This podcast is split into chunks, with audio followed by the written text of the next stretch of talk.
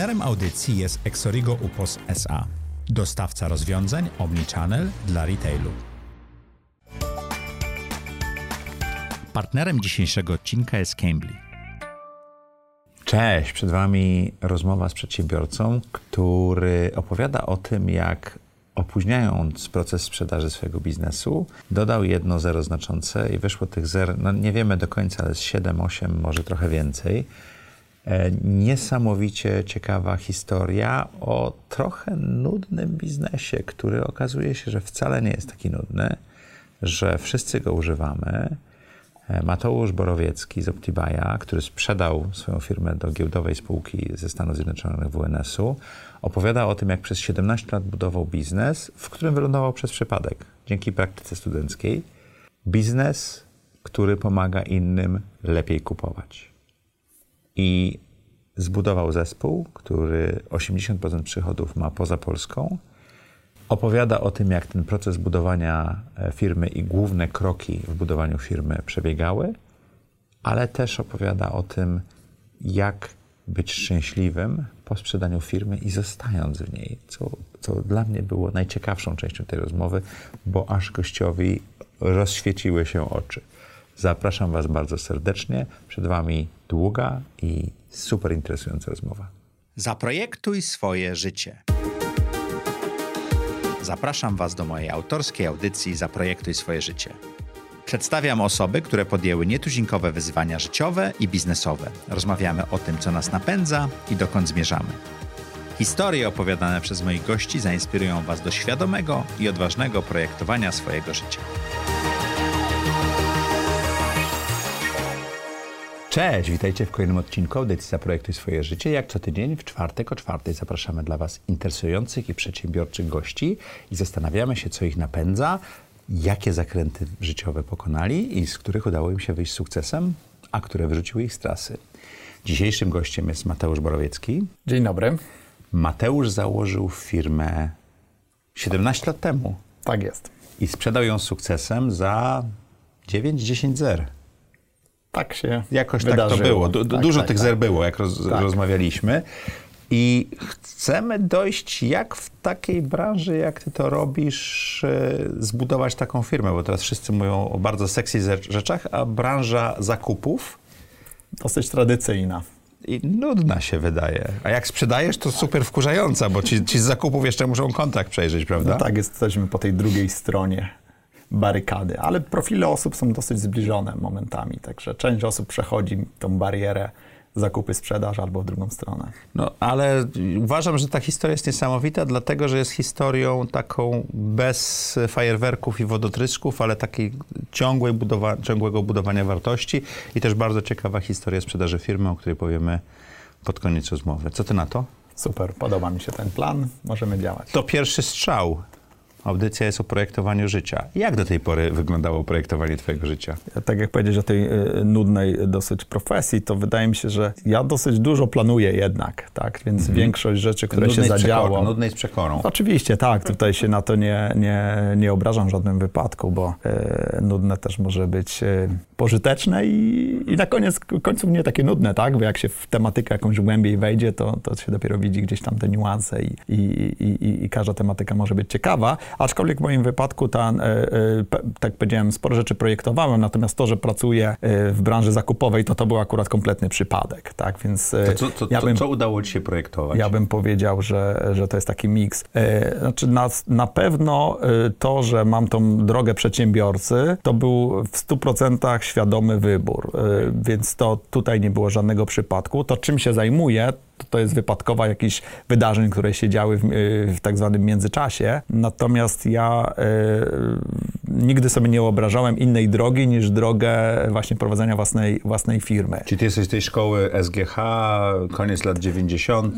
Tak, jestem z I- szko- szkoły SGH, ale y, koniec lat 90. szkoła SGH to absolutnie nie była, nie była szkoła przedsiębiorców. Absolutnie To nie. konsulting, konsulting, ja konsulting? Nawet y, kilka lat już po skończeniu, powiedzmy może to było 10 lat temu, y, byłem na jakimś spotkaniu absolwentów, na którym dowiedziałem się, że chyba jedynie 4% osób 10 lat po skończeniu studiów prowadzi swój własny biznes.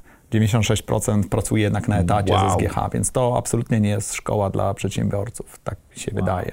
I wśród mojego bliskiego groma, grona przyjaciół y, ze studiów to też jest raczej wyjątek ni, ni, niż, niż norma. A ty pochodzisz z rodziny przedsiębiorczej? Y, tak, moi rodzice nigdy nie, nie pracowali na, na etacie Czyli i to, tak, to łatwiej ci było to... Dla mnie to było naturalne, Okej. tak? Y, Dla mnie to było naturalne, że spokojnie można sobie żyć y, u- niezależnie, że tak Mhm. powiem, od tych oficjalnych instytucji. Nigdy nie dostawałem kieszonkowego co miesiąc, tylko jak była potrzeba. Nie, tak nie było. Y, Po prostu jak miałem potrzebę, no to rodzice mi tam daną kwotę e, wyasygnowali, która mi była potrzebna, ale nie było czegoś takiego, że co miesiąc jakaś kwota, bo to jest dla mnie też przyzwyczajanie bardziej do tej pracy na etacie, której A to jest dobre, nie myślałem o tym. Której- Myślałem, że do, przyzwyczajenie do zarządzania y, ale tu masz trochę racji. Nie, to, to moim zdaniem nie. Widzę też moje dzieci, które e, otrzymując jakieś tam e, czasami prezenty finansowe też e, nie wydają ich od razu, też oszczędzają, więc to jedno z drugim nie ma żadnego związku. Co dla, Częstotliwość. co dla przedsiębiorcy jest cholernie ważne, bo my nie zarabiamy co miesiąc, Nie, prawda? nie, nie. To jest bardzo, bardzo, bardzo zmienne i, i może być super okres, potem może być trudniejszy, ważne, żeby być przygotowany. To jak jesteśmy przy pieniądzach, jak zarobiłeś swoje pierwsze pieniądze? Pierwsze pieniądze, y, takie naprawdę dla mnie, y, jakieś w miarę, y, w miarę już namacalne, to był okres studiów. Mm, My wtedy braliśmy z, z grupą przyjaciół ze studiów udział w takim konkursie zarządzania. On się w tym momencie, wydaje mi się, nazywa Global Management Challenge, organizowany przez, przez Bigram. I y, nam się udało wygrać ten konkurs w Polsce. Pojechaliśmy później na Maderę, na finał światowy. Y, to jest konkurs dla zespołów firmowych i, i, i studenckich. My jako studenci to wygraliśmy. Y, I po tym wygranym jeden ze sponsorów, jeden duży bank, poprosił nas o przeszkolenie ich personelu, tak żeby ten ich personel w przyszłej edycji sobie lepiej poradził. No i my im sprzedaliśmy taki, taki dzień szkoleniowy wtedy z Success Studenci, studenci e, sprzedawali do korporacji Tak. o tym, jak wygrać konkurs. Dokładnie tak. I to e, naszym głównym klientem była pani wiceprezes zarządu e, tego dużego banku, której bardzo zależało, żeby jej zespoły firmowe no, jakieś sukcesy w kolejnej edycji odniosły.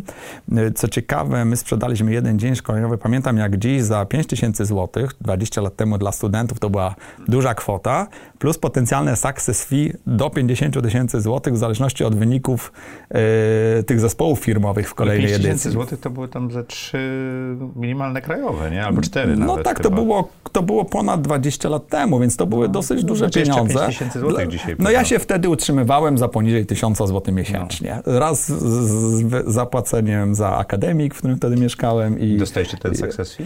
Y, Nie, okazało się, że wyliczyliśmy sobie, że na pewno powinniśmy dostać co najmniej około 10 tysięcy success fee, jak minimalny sukces te zespoły odniosą, natomiast zespoły ym, poniosły sromotną klęskę mimo, mimo naszego, naszego zaangażowania szkoleniowego, y, więc success fee niestety nie dostaliśmy, ale później w biznesie moim ten success fee model bardzo mocno też funkcjonował, więc... y, Czyli nie bałeś się takiego ryzyka? nie, nie, nie.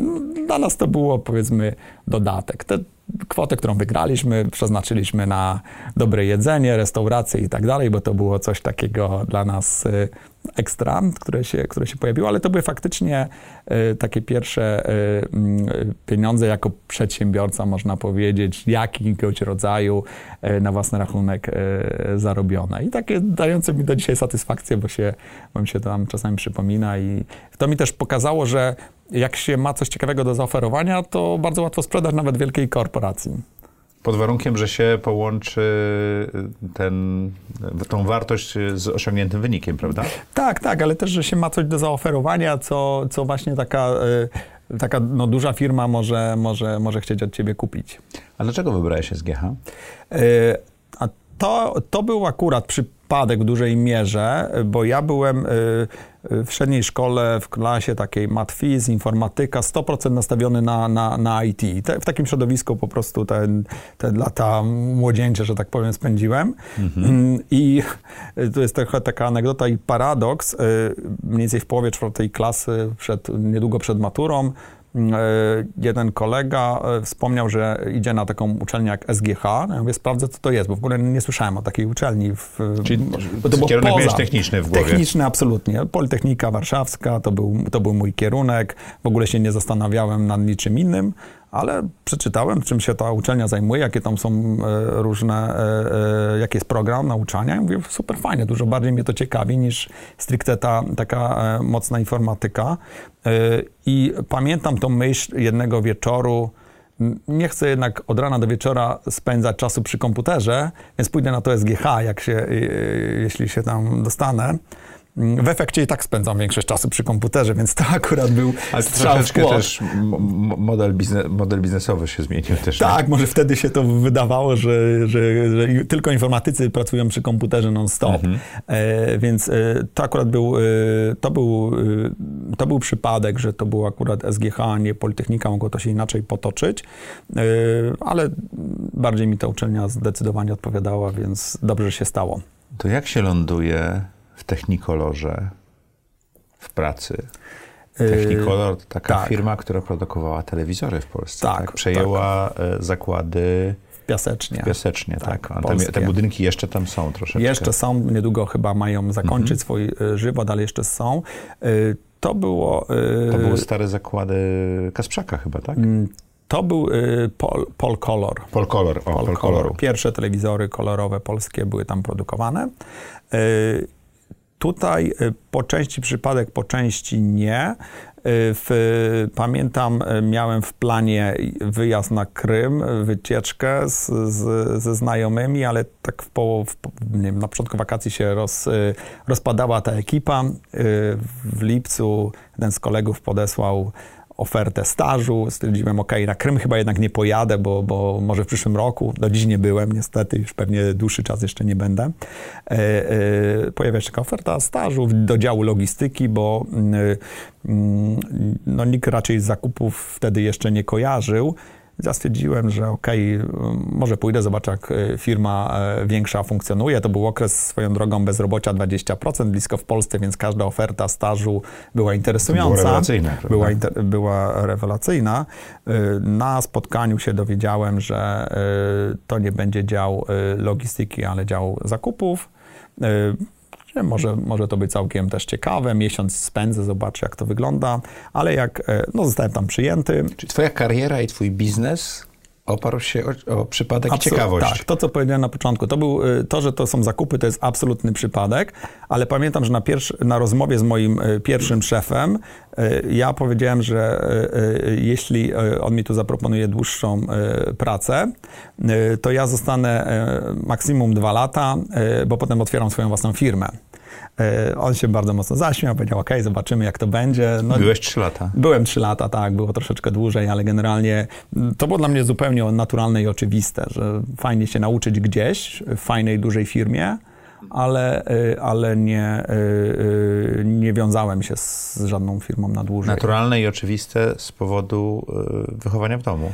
Tak mi się wydaje i jakiejś takiej własnej potrzeby, która się bardzo szybko też ugruntowała w tej, w tej pierwszej pracy może po pierwsze, dlaczego zakupy, dlaczego nie są jednak takie nudne. Mhm. E, już taki pierwszy punkt. E, już w drugim tygodniu pracy miałem możliwość negocjowania kontraktu rocznego na zakupy pewnych sur surowców dla fabryki. Nie był to duży kontrakt, nie wiem, 100 tysięcy euro, ale dla, znowu dla młodego 100 chłopaka. euro. Ja miałem tam 22 lata. Wtedy, wtedy to, nie było chyba euro, nie? ale czegoś tam, tak? Tak, tak, tak. To było, to było już coś takiego pokaźnego. Okazało się, że w wyniku tych negocjacji y, nam koszty spadły o kilkanaście procent. Ja się do nich przygotowałem, mając ten warsztat e, ekonomiczny, e, London e, Metal Exchange, kursy, kursy miedzi, to, były zakup, to był zakup miedzi. Mhm. Nie, przepraszam, to był zakup cyny wszystko jedno, metal, tak? Met, metal. Więc analiza cała, ile powinien ten produkt kosztować, ile on faktycznie kosztuje, ile można uzyskać i potem krótka piłka, rozmowa i, i ten efekt przyszedł od razu. E, a wcześniej negocjacje były prowadzone przez doświadczonych e, kupców z naszej firmy na zasadzie potrzebuję trochę lepszą cenę. No dobrze, no to dostaniesz tam 1-2% upustu i, i, i, Czyli i oni byli zadowoleni, zakończy. że dostali Tak. troszeczkę upustu, ale nie chciało im się przygotować w pewnym Tak, sensie. nie, nie, nie chciało, nie potrafili może czasami. E, e, ja stwierdziłem wtedy, wow, jeśli ja nie mam żadnego doświadczenia, wykorzystuję tylko moją jakąś tam podstawową wiedzę analityczną i negocjacyjną ze, ze studiów, bo na SGH było akurat dużo zajęć z negocjacji, w których miałem okazję e, e, uczestniczyć. I masz I to kilkanaście wystarczy. razy tak. większy rezultat. Tak, i to wystarczy. To znaczy, że to jest ciekawa, ciekawa nisza, że tutaj można dużo zdziałać i faktycznie bardzo szybko y, y, tam ten zakres moich obowiązków się, się zwiększył. Ja po, po mniej więcej dwóch latach przejąłem część zakupów strategicznych dla też fabryk w Meksyku i we Francji. To był taki okres, kiedy, y, y, kiedy ta moja firma y, chyliła się, można powiedzieć, ku upadkowi. W Polsce. Y, na, tak naprawdę na świecie poprodukowała, znaczy część firmy, nie cała, produkowała kineskopowe telewizory. Było wiadomo, że to jest technologia schyłkowa, więc był eksodus y, dobrych pracowników z firmy, którzy no, szukali lepszego miejsca. Ale dla mnie, jako młodej osoby wchodzącej do organizacji, to była szansa na przejmowanie y, zadań od tych osób, które odchodziły. Ktoś zdejmował ci sufit co piętro praktycznie, Tak, tak? tak. Na Odchodząc. przykład mój szef y, bezpośredni z Francji zmienił y, y, zakres obowiązków, no i ja wtedy wskoczyłem na stanowisko, na które normalnie być może musiałbym czekać jeszcze kilka lat.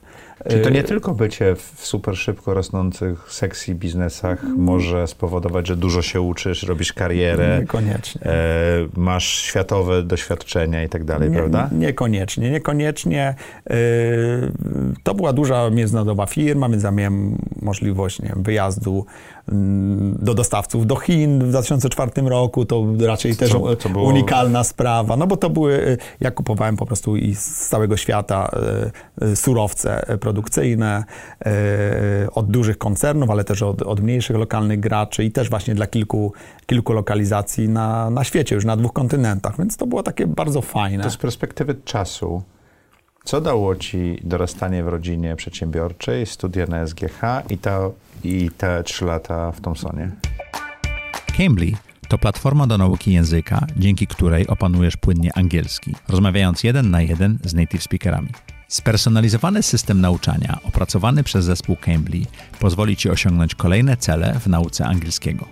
Dopasowane do Twoich indywidualnych potrzeb kursy, takie jak angielski dla biznesu, konwersacje czy przygotowanie do egzaminu, sprawią, że nauka będzie ciekawa i angażująca. Dzięki intuicyjnej aplikacji mobilnej i lekcjom na żądanie uczysz się w dogodnym dla Ciebie miejscu i czasie. Już dziś zacznij naukę z Cambly dzięki darmowej 15-minutowej lekcji. Skorzystaj z 20% zniżki na plan miesięczny z kodem ZTZ. Szczegóły znajdziesz w opisie odcinka.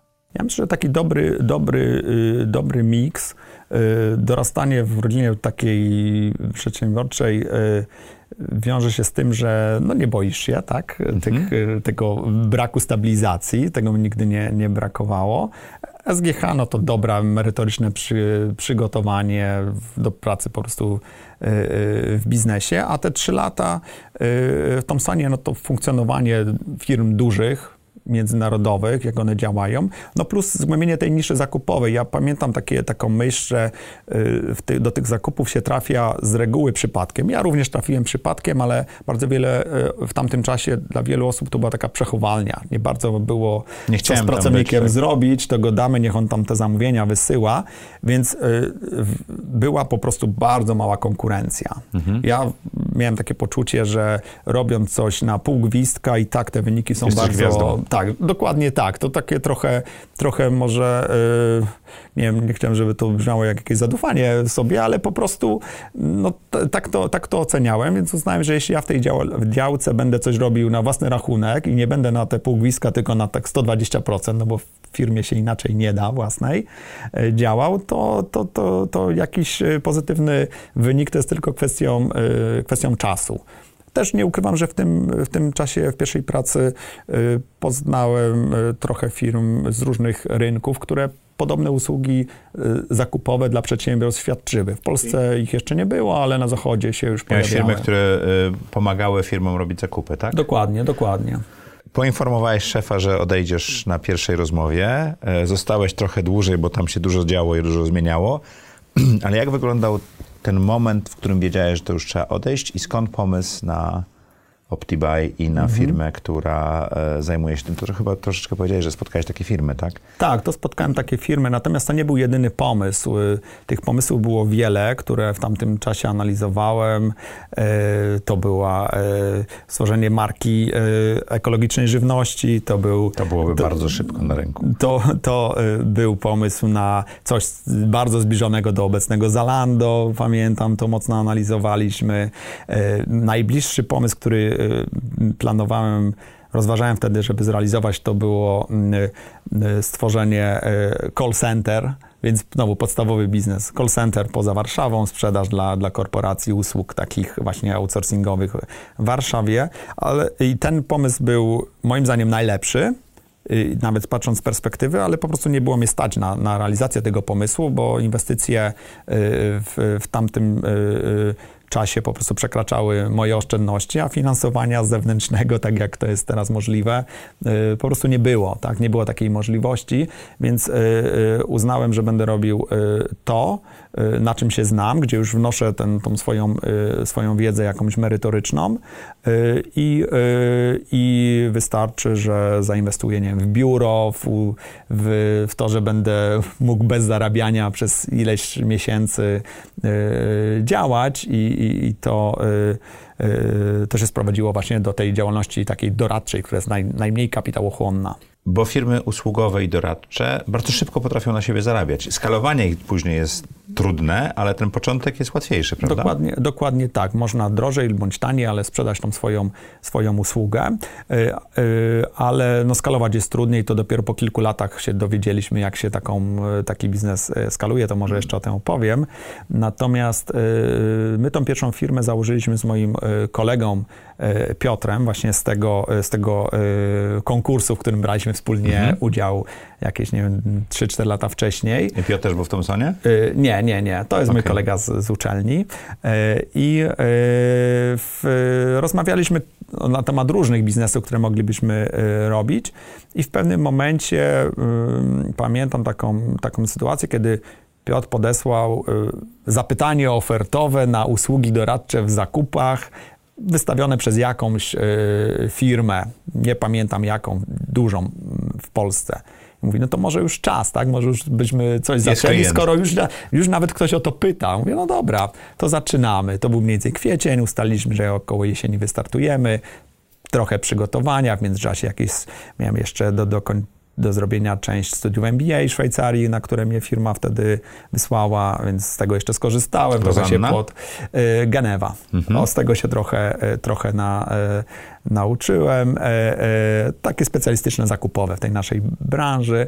No A i to pierwszego, rewelacyjne, tak, bo to tak, pomaga tak. w, potem w biznesie, prawda? Tak, do tej pory tak naprawdę z tego czerpię. Taka śmieszna może anegdota, że pewne teorie właśnie, które jak się okazuje, funkcjonowały już w zakupach, e, nie na polskim rynku, e, których się mogłem tam dowiedzieć. Przetłumaczyłem czasami koszlawo jakieś koncepcje na polski i one do dzisiaj funkcjonują. Zostały te, już te koszlawe zostały, tak? tak? tak, tak, tak. Na przykład e, coś, co w zakupach się nazywa na to tak przetłumaczyłem. Po angielsku to było bottleneck, po polsku no, wąskie gardło, ale, ale trochę brzmi to słabo. E, funkcjonuje dzisiaj absolutnie wszędzie i każdy z zakupów się nim posługuje, więc taki, taki mały smaczek. Ale wracając do firmy, e, właśnie ten impuls, że okej, okay, ktoś już o to pyta. Ale odpowiedzieliście na to zapytanie? Nie, to już było za późno, bo to było kwiecień, my zaczęliśmy dopiero we wrześniu, więc nie odpowiedzieliśmy. To był bardziej taki, taki powiedzmy sygnał tak, y, warto, warto już spróbować y, dzisiaj. No i, i, założyliśmy właśnie wspólnie firmę i zaczęliśmy szukać klientów, bo nie mieliśmy żadnych klientów. Goście audycji często mówili, zaraz powiemy o tym początku, y, że dobranie wspólnika jest czasami ważniejsze niż dobranie współmałżonka, bo się z nim spędza tyle samo, tak. albo czasami więcej czasu. Czy to był świadomy wybór? Tak, to był absolutnie świadomy wybór. Tutaj z Piotrem analizowaliśmy różne jeszcze inne możliwości właśnie biznesowe. Ale świadomy więc... wybór wspólnika? Tak, tak, tak. Mhm. To był świadomy, świadomy wybór. No ostatecznie yy, yy, po dwóch latach się rozeszły nasze drogi biznesowe, prywatne, yy, prywatne nie. Y, z, z tego względu, że po prostu założenie firmy, utrzymanie jej przez te pierwsze dwa lata, no to jest mega, mega ciężka praca, tak? Mhm. I, y, I dodatkowo y, te przychody, które generowaliśmy, były wielokrotnie mniejsze niż to, co ja wcześniej zarabiałem na etacie, bo, bo, bo, bo oczywiście musiałem bardzo mocno y, tutaj zejść w dół. W jego przypadku było podobnie. Koszt alternatywny I, i koszt alternatywny był wysoki. I tak naprawdę oszczędności, które mieliśmy na ten biznes przygotowane, topniały. My zarabialiśmy, mieliśmy dosyć szybko klientów, mm, natomiast Natomiast to było cały czas za mało, żebyśmy się dwaj byli w stanie utrzymać.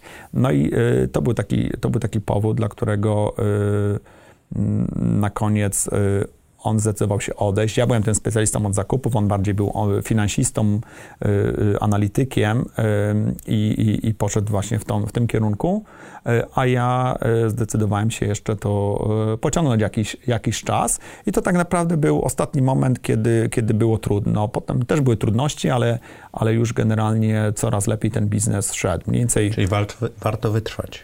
To na pewno, no nie wiem jak długo, tak, bo czasami też może nie warto być w jakimś, jakimś takim powiedzmy bezsensownym układzie, e, że tak powiem. Natomiast w tym naszym wypadku e, dosłownie tydzień po tym, jak, jak, jak no, zakończyliśmy tą naszą współpracę, naszą spółkę, cywilną. Mieliście spółkę cywilną? Mieliśmy spółkę cywilną, to było, wydawało się najprostsze. Tak, spółka ZO w tamtym czasie kapitał minimalny to było 50 tysięcy złotych, to już było dużo dla nas. Nie, okay. nie, nie chcieliśmy w to wchodzić. Nie, nie było 5 tysięcy jak dzisiaj. E, nie wiedząc, czy to w ogóle e, się powiedzie. No, a mieliśmy do siebie zaufanie, więc spółka cywilna była, była jak najbardziej ok na tamtym, na tamtym etapie. Ale tydzień po tym, po tym rozstaniu ja sprzedałem pierwszy taki naprawdę większy, ciekawy projekt. To, było, to był bardzo ciekawy projekt. E, wspomaganie przy przetargach na pewne instalacje w elektrowni w Czarnobylu na Ukrainie. Sobie tam pojeździłem trochę. Wow. Tak, po, po, po, pomagałem przy przetargu y, na, na takie instalacje do utylizacji odpadów radioaktywnych. Równolegle był przetarg y, na, na ten shelter, pokrywę, która została tam zainstalowana, więc to był taki ciekawy, ciekawy projekt, ciekawy czas.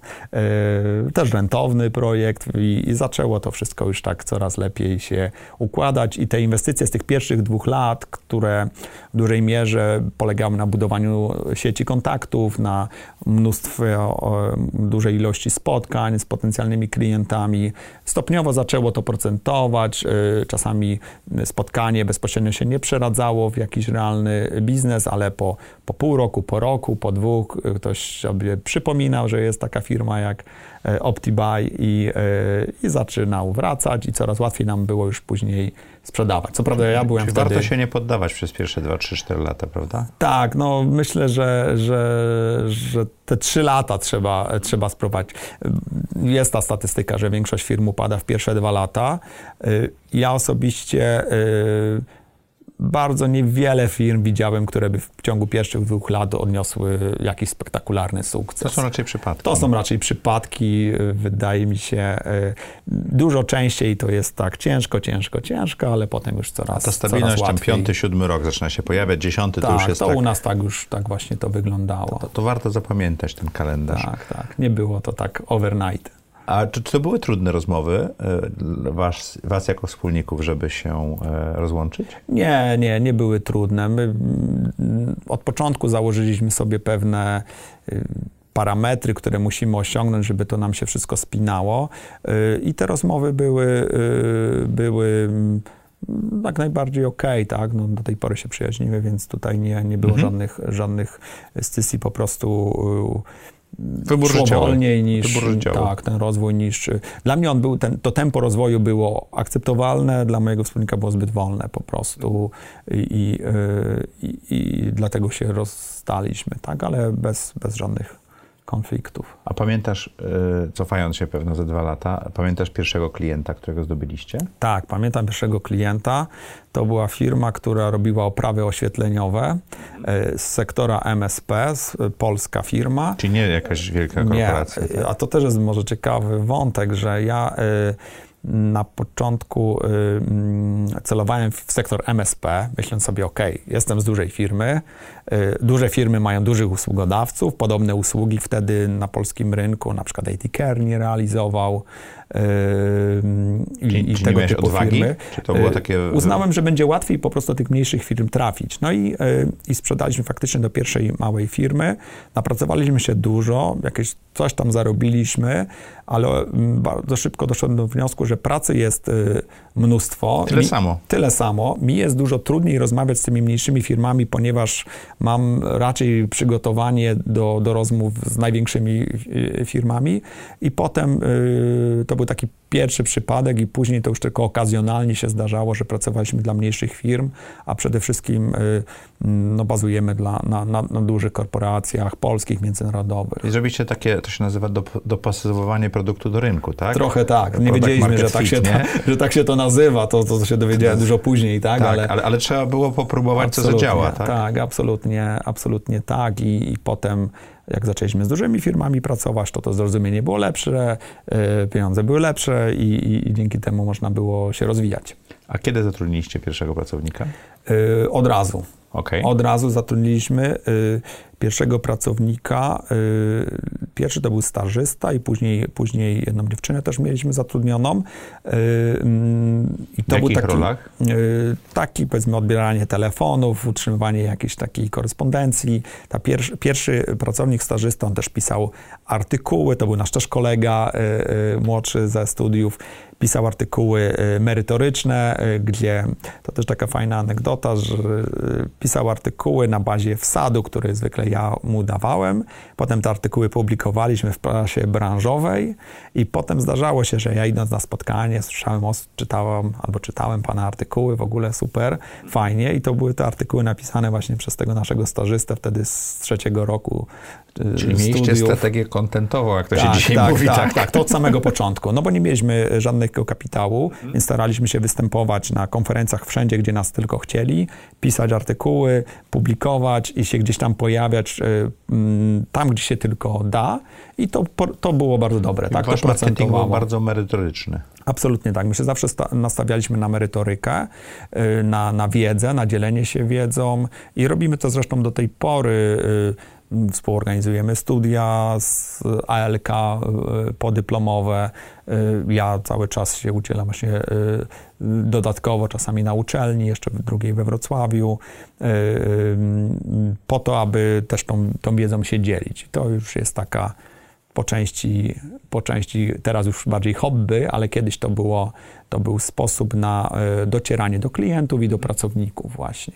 Mam też powiedzieć bardzo ciekawą rzecz o tym, że ty miałeś inne oczekiwania na rozwój firmy niż twój pierwszy wspólnik i to ci pomogło w niej wytrwać w pewnym sensie. Tak, tak, tak. To opowiesz o tym, jak to zbudowałeś i dlaczego takie oczekiwania miałeś? Ja, e, ja po prostu miałem, to jest banalna rzecz, tak? Ja miałem po prostu trochę większy kapitał zgromadzony, bo pracowałem o rok dłużej i, i, i, i po prostu byłem w stanie więcej oszczędności zgromadzić. Więc, Czyli dłużej wytrzymać. Więc ja mogłem po prostu dłużej wytrzymać. Tu nie ma żadnej, Mhm. żadnego jakiegoś drugiego, drugiego dna. Więc ja mogłem sobie pozwolić na przykład na jeszcze pół roku czy rok y, walki. Mhm. Y, czułem się dosyć optymistycznie, że, że to już zaczyna gdzieś tam trybić, mówiąc y, kolokwialnie, y, a, a mój wspólnik nie i to, to, to spowodowało y, tą konieczność właśnie rozstania. Ale to jest bardzo ważne, co, co mówisz, bo w kilku wywiadach już mieliśmy takie rozmowy, że szczególnie jeżeli wychodzi się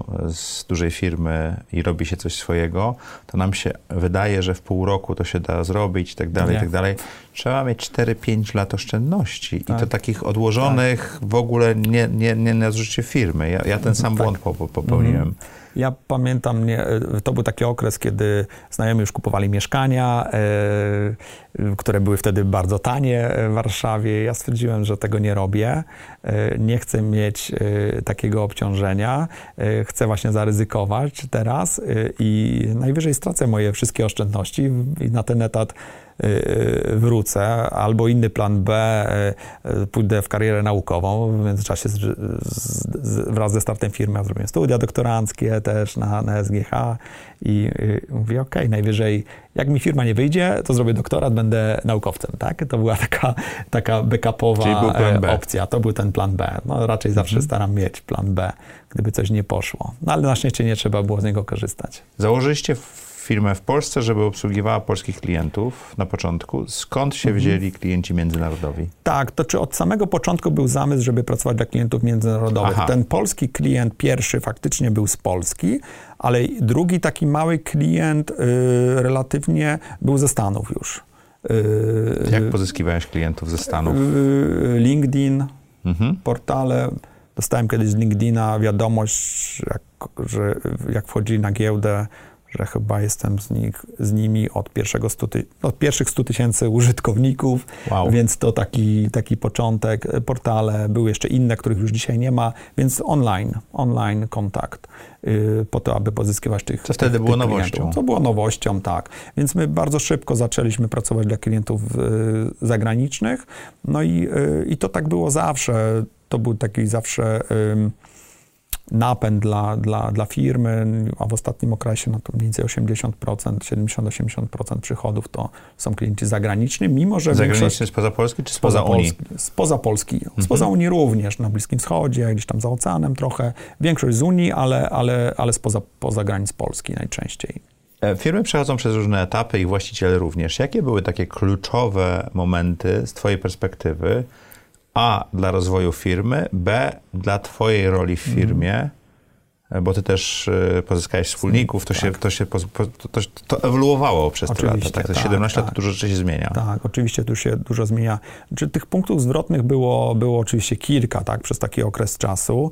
Y, może tak po kolei. Po y, zakończeniu współpracy z Piotrem, z moim pierwszym wspólnikiem, y, no ja zostałem de facto sam z jedną pracowniczką y, y, wtedy w y, firmie y, i zastanawiałem się, co dalej, tak, jak to będzie, będzie szło i w tamtym momencie pojawiła się taka możliwość mm, współpracy z taką niemiecką firmą doradczą z naszej branży, z którą y, tak naprawdę weszliśmy w coś w rodzaju, w rodzaju joint venture. Nie chciałbym już opowiadać o szczegółach, bo to są nieistotne w sumie drobiazgi, ale fakt jest taki, że y, to nam y, dało też trochę dostęp do klientów, ale przede wszystkim dostęp do know-how, do, do metodologii pracy, bo ja I założyłem też, firmę... I też markę.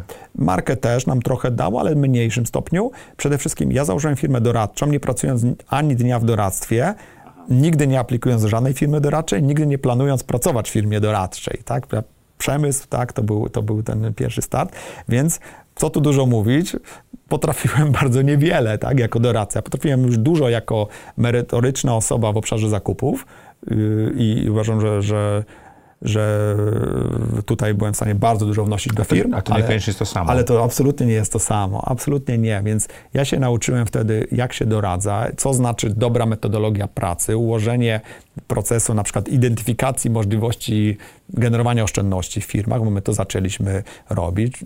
O tym success fee, o którym wspominałem, w tamtym okresie, te kilkanaście lat temu, to był bardzo powszechny model, kiedy y, y, dzieliliśmy się oszczędnościami z klientami, ale żeby się podzielić oszczędnościami z klientami, trzeba było najpierw dobrze zanalizować, ile ich możemy wy, wygenerować, dobrze je uzasadnić, sprzedać też tą naszą usługę w wiarygodny sposób i to wszystko dał nam ten inwestor, ym, inwestor niemiecki.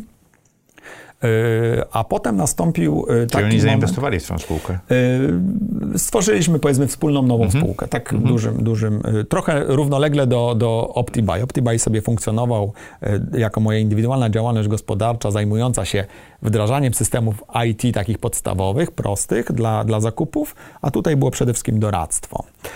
I yy, to był rok 2000 siódmy, dwa lata sobie to po, po, podziało się yy, i potem 2008 rok, wiadomo, kryzys finansowy i tak się sytuacja yy, yy, mm, rozwinęła, że ten nasz niemiecki partner uległ likwidacji. Po prostu stracił płynność finansową ze względu na, na problemy swoich własnych klientów. Po najlepszym roku w historii, 2008, 2000, pod koniec 2009 ta firma y, y, przestała istnieć de facto z dnia na dzień, y, co było dosyć dużym szokiem.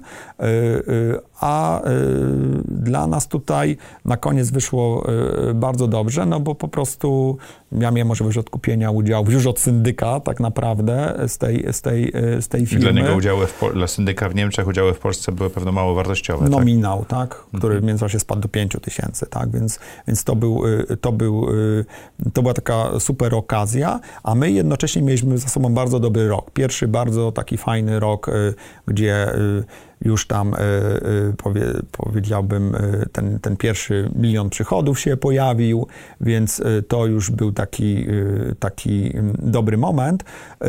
Pierwszy milion w 2007 roku? Nie, to, to był dziewiąty albo dziesiąty To było rok. dużo pieniędzy. No, to było, to było już takie uzasadnienie, że, że to, to, to ma sens, tak? że ten biznes już usługowy zaczyna mieć, zaczyna mieć sens. I w międzyczasie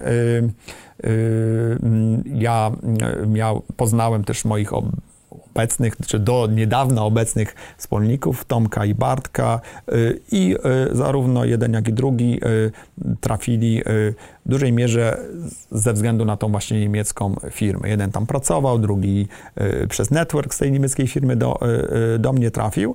No i sobie tak wszyscy usiedliśmy i e, zaczęliśmy się zastanawiać, e, e, co, co dalej. Ja byłem w tym momencie jednym, jednym udziałowcem, chłopaki byli, jeden po prostu dołączył do mnie jako konsultant, drugi, drugi pracował w tej właśnie niemieckiej firmie i, i uznaliśmy, że warto spróbować zrobić coś, e, coś razem e, e, i właśnie Tomek i Bartek dołączyli do mnie jako udziałowcy w firmie zaczęliśmy w trzech już ciągnąć ten wózek, można powiedzieć. Mniej więcej od tego 2010 roku to był już taki prawdziwy start, już w spółce ZO, już w takiej normalnej strukturze, powiedziałbym, korporacyjnej.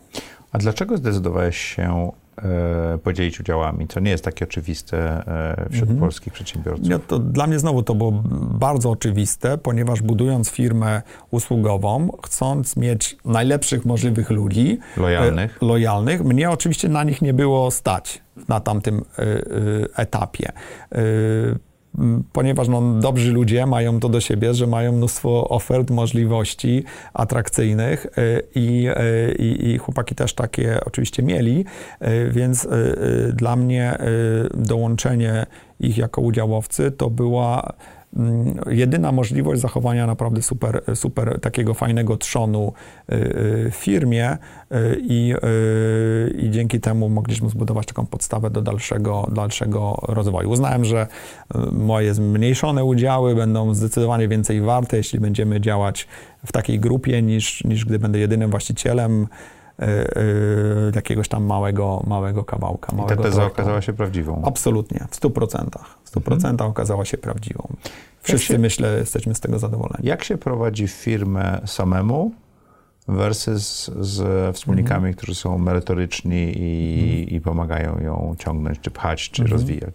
No, absolutnie się dużo lepiej prowadzi firmę większej grupie osób, może nie za dużej, tak, ale te dwie czy trzy osoby to jest, myślę, dobry, dobry taki, dobra grupa, ponieważ można swoje myśli zderzyć, tak? My z, z, już na samym początku z Piotrem bardzo dużo analizowaliśmy, dyskutowaliśmy, my, my inny temperament, inne podejście do wielu spraw, więc y, słysząc, jak inna osoba reaguje, można sobie pewne sprawy przemyśleć, y, nie popełnić jakichś głupich błędów, y, więc, y, no i podzielić się też obowiązkami, y, nawet takimi bieżącymi też, też w pewnym, pewnym stopniu, więc dla mnie y, te przysłowia o tych jaskółkach, spółkach, to, to, to, to, to, zupełnie do mnie nie trafia, mhm. tak?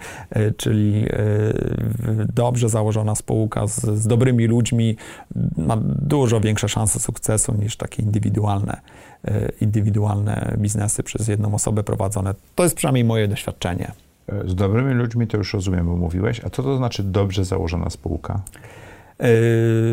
Z dobrymi ludźmi dobrymi ludźmi, bo jeśli chodzi o samą, e, powiedziałbym, aspekt taki prawny, my e, w momencie, kiedy chłopaki dochodzili do, do naszej spółki, nie zmieniliśmy umowy spółki w żaden sposób i ona do ostatniego dnia została sobie taka sama. Taka sama. W ogóle nie dotykaliśmy tych mhm. tematów, więc e, my zbudowaliśmy współpracę na, na bardzo dużym zaufaniu do siebie, które nigdy nie zostało nadwyrężone, więc nie potrzebowaliśmy mieć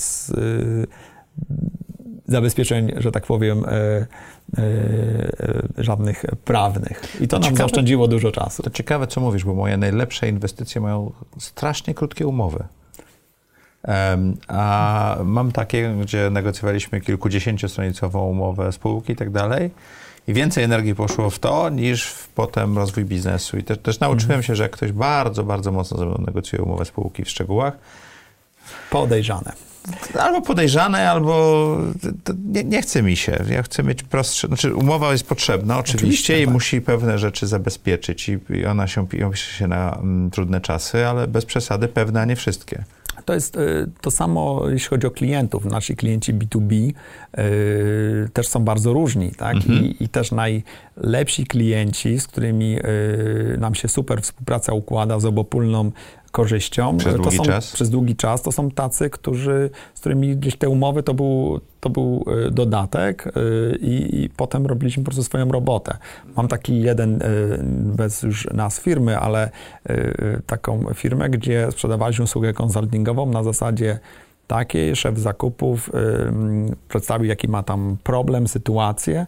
Mówię, wiesz, no nie jestem w stanie ci doradzić tak y, w pełni, no bo, bo za mało wiem po tej opinii, ale proponuję, że zrobimy wam projekt doradczy, y, w którym wybadamy, co tak naprawdę w szczegółach w trawie piszczy i wtedy wam możemy powiedzieć, w którym kierunku należy pójść. On mnie zapytał, ile to będzie kosztować, ja rzuciłem pewną kwotę, Mówię, okej, okay, dobrze, to, to, to, to zrobimy. No i kilka miesięcy później mówi, dobrze, to już zaczynamy, robimy teraz ten projekt, jesteśmy e, w stanie e, e, działać. No i mój zespół pojechał i na pierwszym spotkaniu ustalił, co my w zasadzie zrobimy dla nich w ramach tego budżetu, ile mamy mniej więcej dni możemy poświęcić, no bo biznes doradczy czy nawet wdrożeniowy IT no, bazuje na, na tak zwanych mendejach, tak? Czyli to są marża na czasie ludzi, którym Na czasie płacisz. ludzi, tak, którym płacimy, więc nie możemy za długo pracować, żeby to nam się mhm. opłacało. Mhm więc wiedzieliśmy, ile mniej więcej dni możemy, y, możemy spędzić. No i os, y, nasz zespół, który pojechał do klienta, y, po prostu na początku ustalił, co dla niego zrobimy, co, co nim największą wartość wniesie. No i więcej projekt zajął dwa, dwa miesiące i, i, super efektami dla, dla, dla wszystkich. A to był taki ekstremalny przypadek, bo zazwyczaj się określa ten zakres współpracy, jakieś cele. Duże zaufanie z Ale strony. tutaj było duże zaufanie. Wiedzieliśmy, obydwie strony wiedziały, że, że że nikt tutaj y, nikogo nie, nie będzie naciągał. Y, a gdybyśmy chcieli y, czasami na mniejsze projekty, znacznie mniejsze, nie wiem, trwa dwa miesiące, to właśnie ustalanie umowy, tak? I jak wchodzimy w ten projekt, to wszyscy są zmęczeni tak, bo, bo, dwa miesiące negocjowaliśmy warunki współpracy. Jak trzeba faktycznie współpracę zacząć, to już są jakieś takie niesnaski, że tak powiem. E, więc to, co powiedziałeś, krótka umowa, sensowna, opisująca warunki, on jest dobra zarówno między wspólnikami, jak i, jak i z klientami również. Wasz model biznesowy u, uległ ewolucji w tym czasie. Co spowodowało te zmiany i, i jaki był początkowy, jaki był w mhm. międzyczasie, jaki jest teraz? Początkowo model biznesowy y, dotyczący przede wszystkim usług doradczych y, bazował właśnie na success fee, czyli mhm. dzieliliśmy się oszczędnościami z klientem. Consulting success fee. Dokładnie. Który był relatywnie łatwo sprzedawalny w momencie, kiedy nie mieliśmy żadnej jeszcze marki wyrobionej mhm. na, na, na rynku. Y, Później rozszerzyliśmy naszą działalność właśnie o te wdrożenia systemów informatycznych i tutaj y, ten model wyewoluował. Na początku to były przede wszystkim projekty tak zwane fixed fee, czyli ustalaliśmy, co dla klienta ma być zrobione, y, jeśli chodzi o wdrożenie systemu informatycznego, ile to będzie kosztować, jakie są główne y, kamienie milowe do, do, do rozliczenia. I my mogliśmy to zrobić wolniej bądź szybciej, dostawaliśmy określone wynagrodzenie za, za wdrożenie.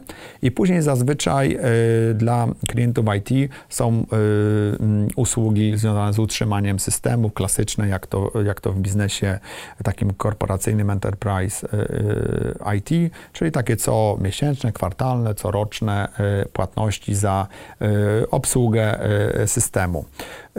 Aktualnie mm, ten model wyewoluował w obszarze IT do modelów w dużej mierze projektów wdrożeniowych na zasadzie time and materials, czyli y, my rozliczamy się z klientami w zależności jak dużo czasu spędzimy y, pracując dla danego klienta po ustalonych mhm. stawkach y, i dalej mamy również zazwyczaj na zasadzie time and materials usługi wsparcia powdrożeniowego, czyli im klient chce więcej od nas pracy, tym, tym go projekt kosztuje więcej, jeśli e, jest w stanie e, być też szybszy po swojej stronie, bardziej taki elastyczny, akceptujący rozwiązania, no to ten projekt może być dla niego dużo, dużo tańszy. Czyli poszliśmy tutaj w ten model przede wszystkim time materials. Natomiast w consultingu to jest również albo model time and materials, czyli spędzamy ileś czasu u klienta i, i, i, i, pracujemy, albo w zależności od, albo fixed price, jeśli chodzi o dowiezienie pewnych, pewnego zakresu prac, prac doradczych, czyli ten model success fee praktycznie w tym momencie jest, jest marginalny. Czyli ta mhm. ewolucja nastąpiła, nastąpiła dosyć mocna w całym modelu współpracy. Zakupy też się bardzo zmieniły. Nasz oglądają przedsiębiorcy, ludzie, którzy siedzą w e, dużych firmach na wysokich stanowiskach. Jak się kupuje dobrze? Tak. Jakby zdradził nam trochę te, te, tej magii, którą... Z e, podwórka którą, własnego, tak. dobrze. Postaram się. Chociaż powiem na marginesie, nie wiem, czy już jestem taką optymalną osobą, ponieważ ja kiedyś byłem bardzo dobrym, uważam, kupcem, potem byłem przyzwoitym sprzedawcą, a teraz zajmuję się zarządzaniem całą Jesteś firmą. Jesteś też przedsiębiorcą, teraz, tak? Tak, teraz y, tak naprawdę ja już y, od paru lat y, nie kupuję, aczkolwiek rozmawiam z klientami, biorę udział w komitetach sterujących czasami, więc coś tam na ten temat yy, Czyli wiem. możemy mieć nie najświeższą, ale sprawdzoną wiedzę. O, tak. To mi wystarczy. To jest, myślę, to jest, myślę dobre podsumowanie. Yy, natomiast ewolucja jest też taka, że te zakupy się bardzo mocno sprofesjonalizowały i te powiedzmy 10 lat temu ten właśnie model Success Fee był dla nas najlepszy, bo te zakupy były tak słabe u klientów, że dla nas oszczędności były po prostu banalne do zrobienia na, na najprostszych kategoriach, więc my robiąc krótką analizę wiedzieliśmy, ok, tutaj będzie u tego klienta, nie wiem, 4 miliony złotych zaoszczędzimy y, i y, chcemy od tego jakiś procent, wchodzimy w realizację, klient, wow, zaskoczony, jak to się stało, że faktycznie te cztery jest. Trochę jak z fontyną. Yy, tak, tak, banalne rzeczy to były, yy, bo kadry były bardzo słabe, tak. Teraz się bardzo mocno zmieniło do dzisiaj yy, i teraz my pracujemy zazwyczaj z firmami, które są już dobre. Zakupaki potrzebują być bardzo dobre, więc to jest taki wyższy, wyższy poziom. Y, a y, co to znaczy dobre zakupy? To jest przede wszystkim analityka, tak, czyli przygotowanie. Nie ma dobrego kupca bez Excela. Tak? Mhm. Y, te, te takie mm, mniemanie historyczne, że dobry kupiec to jest ten, kto negocjuje dobrze. My w projektach e, doradczych może w jeden na, na trzy przypadki dochodzi w ogóle jakichkolwiek negocjacji, bo zazwyczaj ta praca analityczna, jak jest dobrze wy, wy, wykonana, to za wiele pola na negocjacje nie, nie pozostaje. No, dostawca musi mieć swoje marże, y, musi wyjść z jakimś realnym y, y, chęcią do robienia biznesu z naszymi klientami, więc to nie, nie chodzi, żeby go tam wycisnąć do ostatniej, do ostatniej złotówki, tylko chodzi o to, aby z dostawcami rozwijać praktycznie dobrą partnerską relację biznesową. Czasami ta partnerska dobra relacja biznesowa polega na y, współtworzeniu rzeczy razem z dostawcami, co przynosi dużo większą wartość dla firmy klienta niż zaoszczędzenie dla obu stron transakcji. Dla obu stron transakcji, tak? Dla obu stron transakcji. W zakupach jest takie pojęcie mm, jak e, e, value chain. Tak?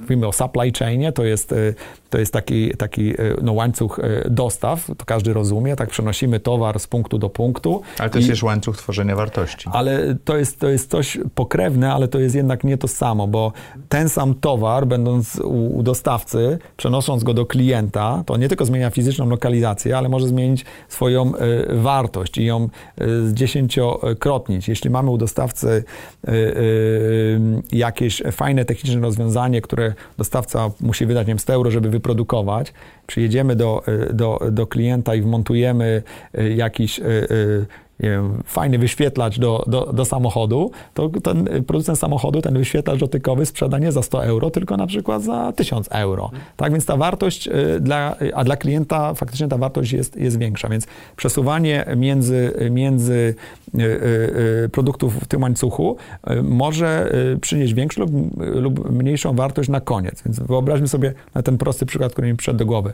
tego, tego wyświetlacza. Wiemy, jak, jak w samochodach elektronika była zacofana przez przez lata.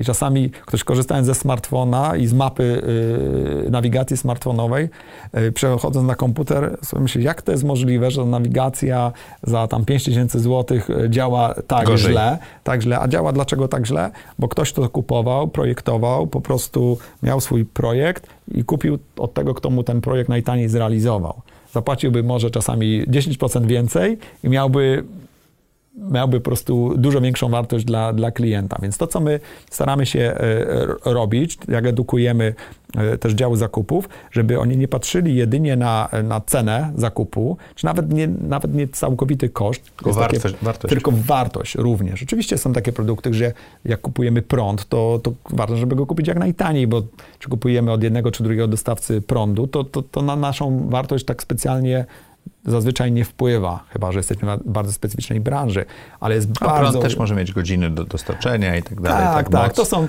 to, ale, ale to, jest, to jest właśnie analityka. To jest, to jest Excel. To tak? jest Excel, to jest Excel i to trzeba zrobić, zrobić z Excelem y, i to trzeba kupować jak, naj, jak najefektywniej, jak, naj, y, y, jak najtaniej. Mamy całą masę rzeczy, które są takie drobne, powtarzalne, tak zwany tail spend, gdzie firmy kupują mnóstwo różnych drobiazgów i, i poświęcają na to zasoby swoich własnych ludzi, to trzeba outsourcować i po prostu kupować jak najszybciej. No i są te strategiczne rzeczy, gdzie trzeba po prostu z tymi dostawcami wejść y, w interakcję i patrzeć, co my wspólnie możemy y, wymyśleć, aby, aby na koniec wartość dla klienta, naszego klienta, dla finalnego odbiorcy była jak najwyższa. I to jest najtrudniejsze. To jest y, y, też teoria i praktyka, praktyka zakupów. Zależ, rozróżnia się to w zależności od ilości dostępnych dostawców na rynku, od ryzyka współpracy z danymi dostawcami, od, od wartości tej, tej, tej współpracy, po to, aby tego my uczymy właśnie ludzi rozróżniania, tak? kiedy warto docisnąć dostawcę, a kiedy warto dostawcę pogłaskać.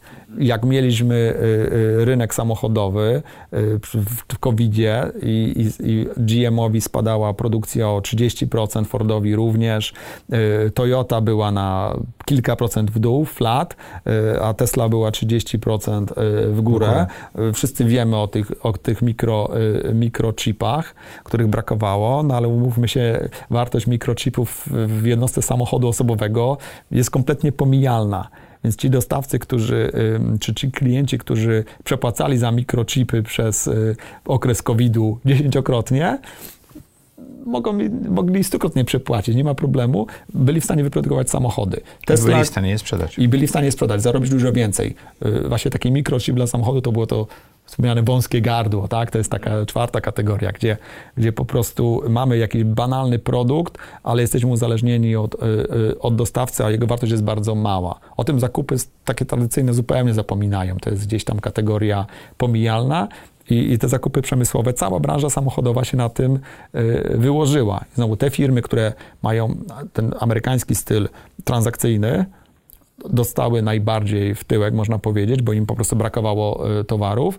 E, ten supply chain azjatycki, e, Korea i Japonia da, zadziałała całkiem nieźle jak sobie wyobrazimy dostawcę, ma dostarczyć do GM-a czy do, czy do Toyoty i ta Toyota z nim współpracuje ściślej i, i, i ma, mamy współzależności, no to raczej dostarczy do Toyoty. No i mieliśmy właśnie Teslę, która po prostu zastokowała się w momencie, kiedy te, te chipy zaraz po uderzeniu e, COVID-u były, były tanie, kryzys na, nastąpił e, krótkotrwały, e, to wtedy dosyć duże zapasy poczynili, mrożąc kapitał, ale mrożąc bardzo niewiele kapitału, bo one są po prostu tanie tak, w stosunku do mhm. wyprodukowania samochodu.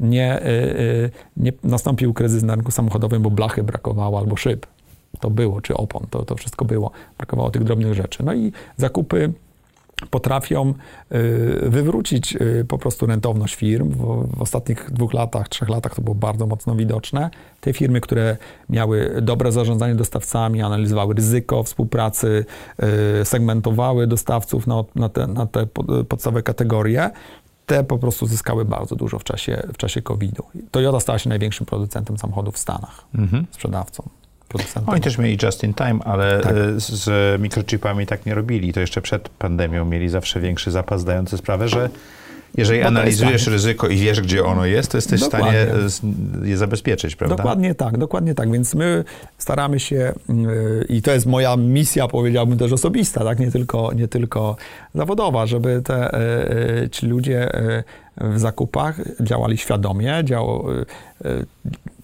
byli dobrzy analitycznie, y, współtworzyli właśnie strategię własnych firm, w których pracują i dawali wtedy faktycznie realną, realną wartość. I to się, to się na szczęście w coraz większej firmie, ilości firm dzieje. A wpływ na mnie osobisty i na firmę moją jest taki, że mamy mniej podstawowego doradztwa, więcej zaawansowanego doradztwa, no i systemów IT, bo, bo jak już wiemy, co mamy robić, jak, jak e, mamy działać od strony analitycznej, no to, to trzeba to też w jakichś narzędziach informatycznych przechowywać. No i Tym wtedy... bardziej, że mamy dużo powtarzalnych czynności i transakcji. Tak? oczywiście, oczywiście. Jako właściciele firm, czy też zarządzający firmami, jak mamy spojrzeć i współpracować z naszymi, i budować nasze działy zakupów? To jest bardzo dobre, y, y, dobre pytanie y, i tak przez chwilę się zastanawiam, jak na nie, żeby nie zagmatwać i nie wejść w wykład, No, bo tak, ja, odpowiedzieć. Jak, jak ja zarządzałem firmami, to działy zakupów zawsze mnie wkurzały, nie? A Oczywiście. To, wiesz, jak, jak, jak ten swój mindset, ten sposób myślenia zmienić? To, to jest też taka ciekawa uwaga. Rzadko kiedy się rozmawia na przykład z CEO firmy, który mówi, a mój dział zakupów jest super. To jeden na dziesięć. Z reguły nie, on jest, Myślę, że on to- jest do że bani. Albo i mniej. to właśnie. Albo i mniej. On jest do bani. No bo, y, ale tego się też nauczyłem na samym początku pracy, w którym mi doświadczony kolega powiedział, jak będziemy dostawcy dostarczać za darmo, to będzie y, y, y, komunikat, powinni nam dopłacać. Czyli generalnie zawsze może być lepiej, tak? Zawsze można te zakupy usprawnić. Nie ma takiej sytuacji, że już mamy stan optymalny i już, już nic się nie da zrobić.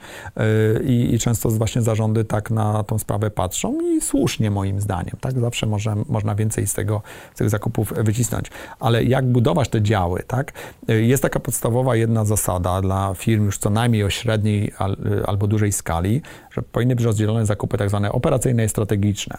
Czyli strategia to to, gdzie wybieramy od kogo kupujemy i za ile, jakie mamy wszystkie warunki. To jest ta długofalowa współpraca i to jest obszar, w którym ja zacząłem właśnie pracę pierwszego dnia. I to są te ryzyka, to jest to wszystko, Tak, bu- budowanie tego łańcucha dostaw i łańcucha wartości, tak? Dokładnie tak. To jest zarządzanie strategiczne kategorią zakupową yy, i, to, i do tego zespołu musimy mieć ludzi super analitycznych, yy, yy, takich, którzy by się również w takim general managemencie sprawdzili. Pewno którzy mają multidyscyplinarnych. multidyscyplinarnych, bo trzeba umowy z dostawcami yy, yy, zaopiniować, wiedzieć, żeby, że się na coś nie natkniemy. Musimy właśnie tą bardzo dużą analitykę yy, wykonywać, musimy umieć rozmawiać z ludźmi, więc to jest bardzo interdyscyplinarna profesja i bardzo ciekawa. No i mamy te zakupy operacyjne, które y, są nastawione na transakcje, czyli y, składamy zamówienia, obsługujemy dostawy, y, obsługujemy czasami faktury, jakieś tam podstawowe oceny dostawców realizujemy. I w firmach mm, słabych, i to było status quo te kilkanaście temu, jak zaczynałem, zazwyczaj to, było, to były połączone działy. Czyli ta sama osoba negocjowała z dostawcą, potem podpisywała z nim umowę, wysyłała jakieś zamówienia i później jakieś, jak coś dostawca nawalał, to, to się tym zajmowała. Efekt był tego taki, że mm, na tą pracę koncepcyjną, strategiczną po prostu nie bra- brakowało czasu, bo jak ciężarówka z towarem nie dojechała i linia produkcyjna miała się zatrzymać, to to zawsze był priorytet ponad y, przygotowanie się odpowiednio do, do, do kolejnych rozmów z dostawcą, czy poszukanie jakichś nowych odbiorców. Więc to jest pierwsza, najważniejsza wskazówka, jak miałbym powiedzieć jedną, to podział na zadania strategiczne i operacyjne, dwa różne teamy, dwie różne osoby, y, po to, aby sobie po prostu y, te, ta bieżączka operacyjna nie, y, nie brała góry nad, nad tymi działaniami strategicznymi. Później druga, drugi etap to jest właśnie podział na kategorie, na specjalizację, zwłaszcza w tym obszarze strategicznym. Tak? Jeśli ktoś kupuje na przykład CAPEX, usługi inwestycyjne, to z dużym prawdopodobieństwem y, w podobny sposób może kupić linię produkcyjną, budowę hali y, fabrycznej, zakupy serwerów IT, y, bo to jest podobna koncepcja. Trzeba, y, y, jest duża, duża współzależność pomiędzy wydanymi pieniędzmi na początku i kosztami utrzymania w przyszłości. W zakupach my na to mówimy całkowity koszt posiadania. Total cost of ownership. tak? TCO, tak? Tak. Y, Więc y, to jest, taki, y, to jest taki sposób myślenia i, i jeśli ktoś kupuje właśnie tego typu kategorie, to może właśnie y, je w jednych rękach zgromadzić i to będzie miało dobry, dobry efekt. Y, W przeciwieństwie na przykład sytuacji, ok, jest przetarg dzisiaj na to, jest y, potrzebny na dany asortyment, to wrzucimy osobie, która akurat ma chwilę wolnego czasu. To, to nie będzie efektywne. To jest taki, powiedziałbym, kategoryzacja wydatków i, i podział szukał zadań w miarę homogenicznych, powiedzmy podgrupach. To jest taki, taki mm, drugi krok. I no oczywiście można tu wchodzić dużo, dużo głębiej jeszcze, uszczegóławiać, ale myślę, że na tym bym się zatrzymał, żeby po prostu nie zrobić Czyli wykładu. Trików, trików i tipsów nie ma, bo to jest jednak duży proces, tak? Nie, to nie ma tipów i, i, i trików żadnych, bo to jest po prostu, no, trzeba, trzeba pracę wykonać. Powiedziałeś, że, że dwie trzecie rozmów ogólnie dochodzi do negocjacji, bo, No, bo po prostu... Bo już nie ma o czym. Nie ma o Nie czym, ma o czym, tak? tak. Jest, jest oczywiste. Tak. W pewnym momencie podjęliście decyzję, żeby sprzedać firmę. Eee, I zresztą z perturbacjami, bo wskoczył COVID i wam ten proces bardzo wydłużył. Skąd pomysł, żeby dobrze prosperującą firmę usługową w ogóle sprzedawać? Mhm. Pomysł y, się z... Szczerze mówiąc, pomysł y, y, dla mnie to znowu był plan, tak? W momencie, Twój kiedy ja plan. zakładałem firmę, to, wiedziałem, wiedziałeś, że, że będę sprzedasz? chciał kiedyś sprzedać. Tak. Okej. To, to, to na pewno, więc to nie jest y, y, żadne mm, jakieś pod tym względem, nie było takiego momentu, że okej, wpadliśmy na taki pomysł, y, że, że sprzedamy firmę. Była kwestia kiedy, w jakim czasie. y, Ja sobie zaplanowałem mniej Za więcej, ile? że chciałbym ją. Za ile tak. To też się gdzieś tam kiedyś na, usłyszałem od jednego człowieka, z którym miałem okazję współpracować y, z, Wielkiej Brytanii, y, że jeśli kiedyś myślę o sprzedaży firmy, to powinieneś wiedzieć, za ile ją chcesz minimalnie sprzedać. No i więc ja jakąś taką cyfrę miałem w głowie, k- przy której już będę uznawał, że, że okej, że, że, że to dobrze, dobrze poszło. Więc za ile to tak, ale bardziej się nastawiałem na to, kiedy kiedy y, wiekowo też będę chciał to zrobić, tak? I zakładaliśmy y, już później z moimi wspólnikami, że no dobrze by było gdzieś tam przed 45 rokiem życia się mieć to bezpieczeństwo zapewnione, która taka sprzedaż firmy po prostu daje, tak? Y, I, i to był bardziej taki, y, taki powiedzmy trigger, żeby, żeby, żeby tą transakcję zrobić w tym, a nie w innym momencie. Oczywiście to nie była też jedna ścieżka, bo alternatywną ścieżką y, było, była taka wewnętrzna sukcesja w firmie, czyli zejście z fotela zarządzającego do, do może rady nadzorczej, do, do inwestora we własnej firmie, no i przekazanie tej pałeczki gdzieś tam dalej w, w zespole.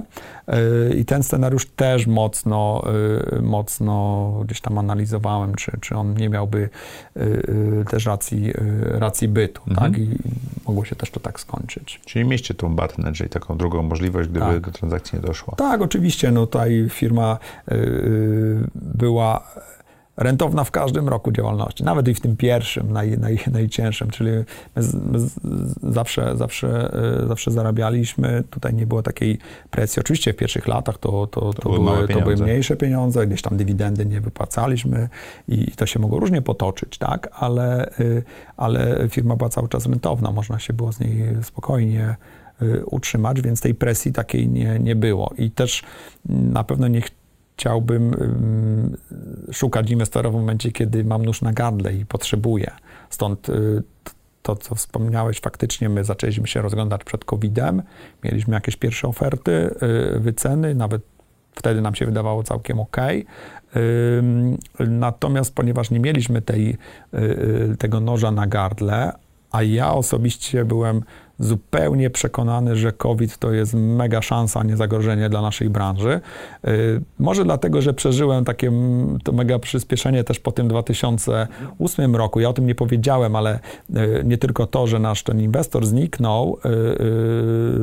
y, Wspólnik się wycofał, się dużo tak, działo. Tak, dużo się działo, ale po kryzysie 2008 roku dopiero w Polsce firmy zaczęły myśleć o tych, o tych o zakupach. I nie tylko w Polsce, w wielu, wielu krajach. Mhm. Się okazało, że ok, nie za bardzo można sprzedaż zwiększać, yy, że trzeba patrzeć na stronę kosztową, więc może nam ktoś w tym pomoże. I to był dla nas taki bardzo, bardzo, yy, bardzo szybki okres wzrostu. Potem on troszeczkę spowolnił. Jak się zaczął COVID, to stwierdziłem, no wszystkie czynniki są na, na plus. Yy, digitalizacja na maksa musi przyspieszyć, bo jak ktoś nie współpracował online, to dzisiaj będzie dużo chętniejszy do tego. Ani jeden klient nie zrezygnował, nikt, nikt nie zatrzymał projektu w czasie COVID-u, wszystko szło, nawet przyspieszyło jeszcze. To macie talebowo antykruchy biznes Tak, i to- antycykliczny.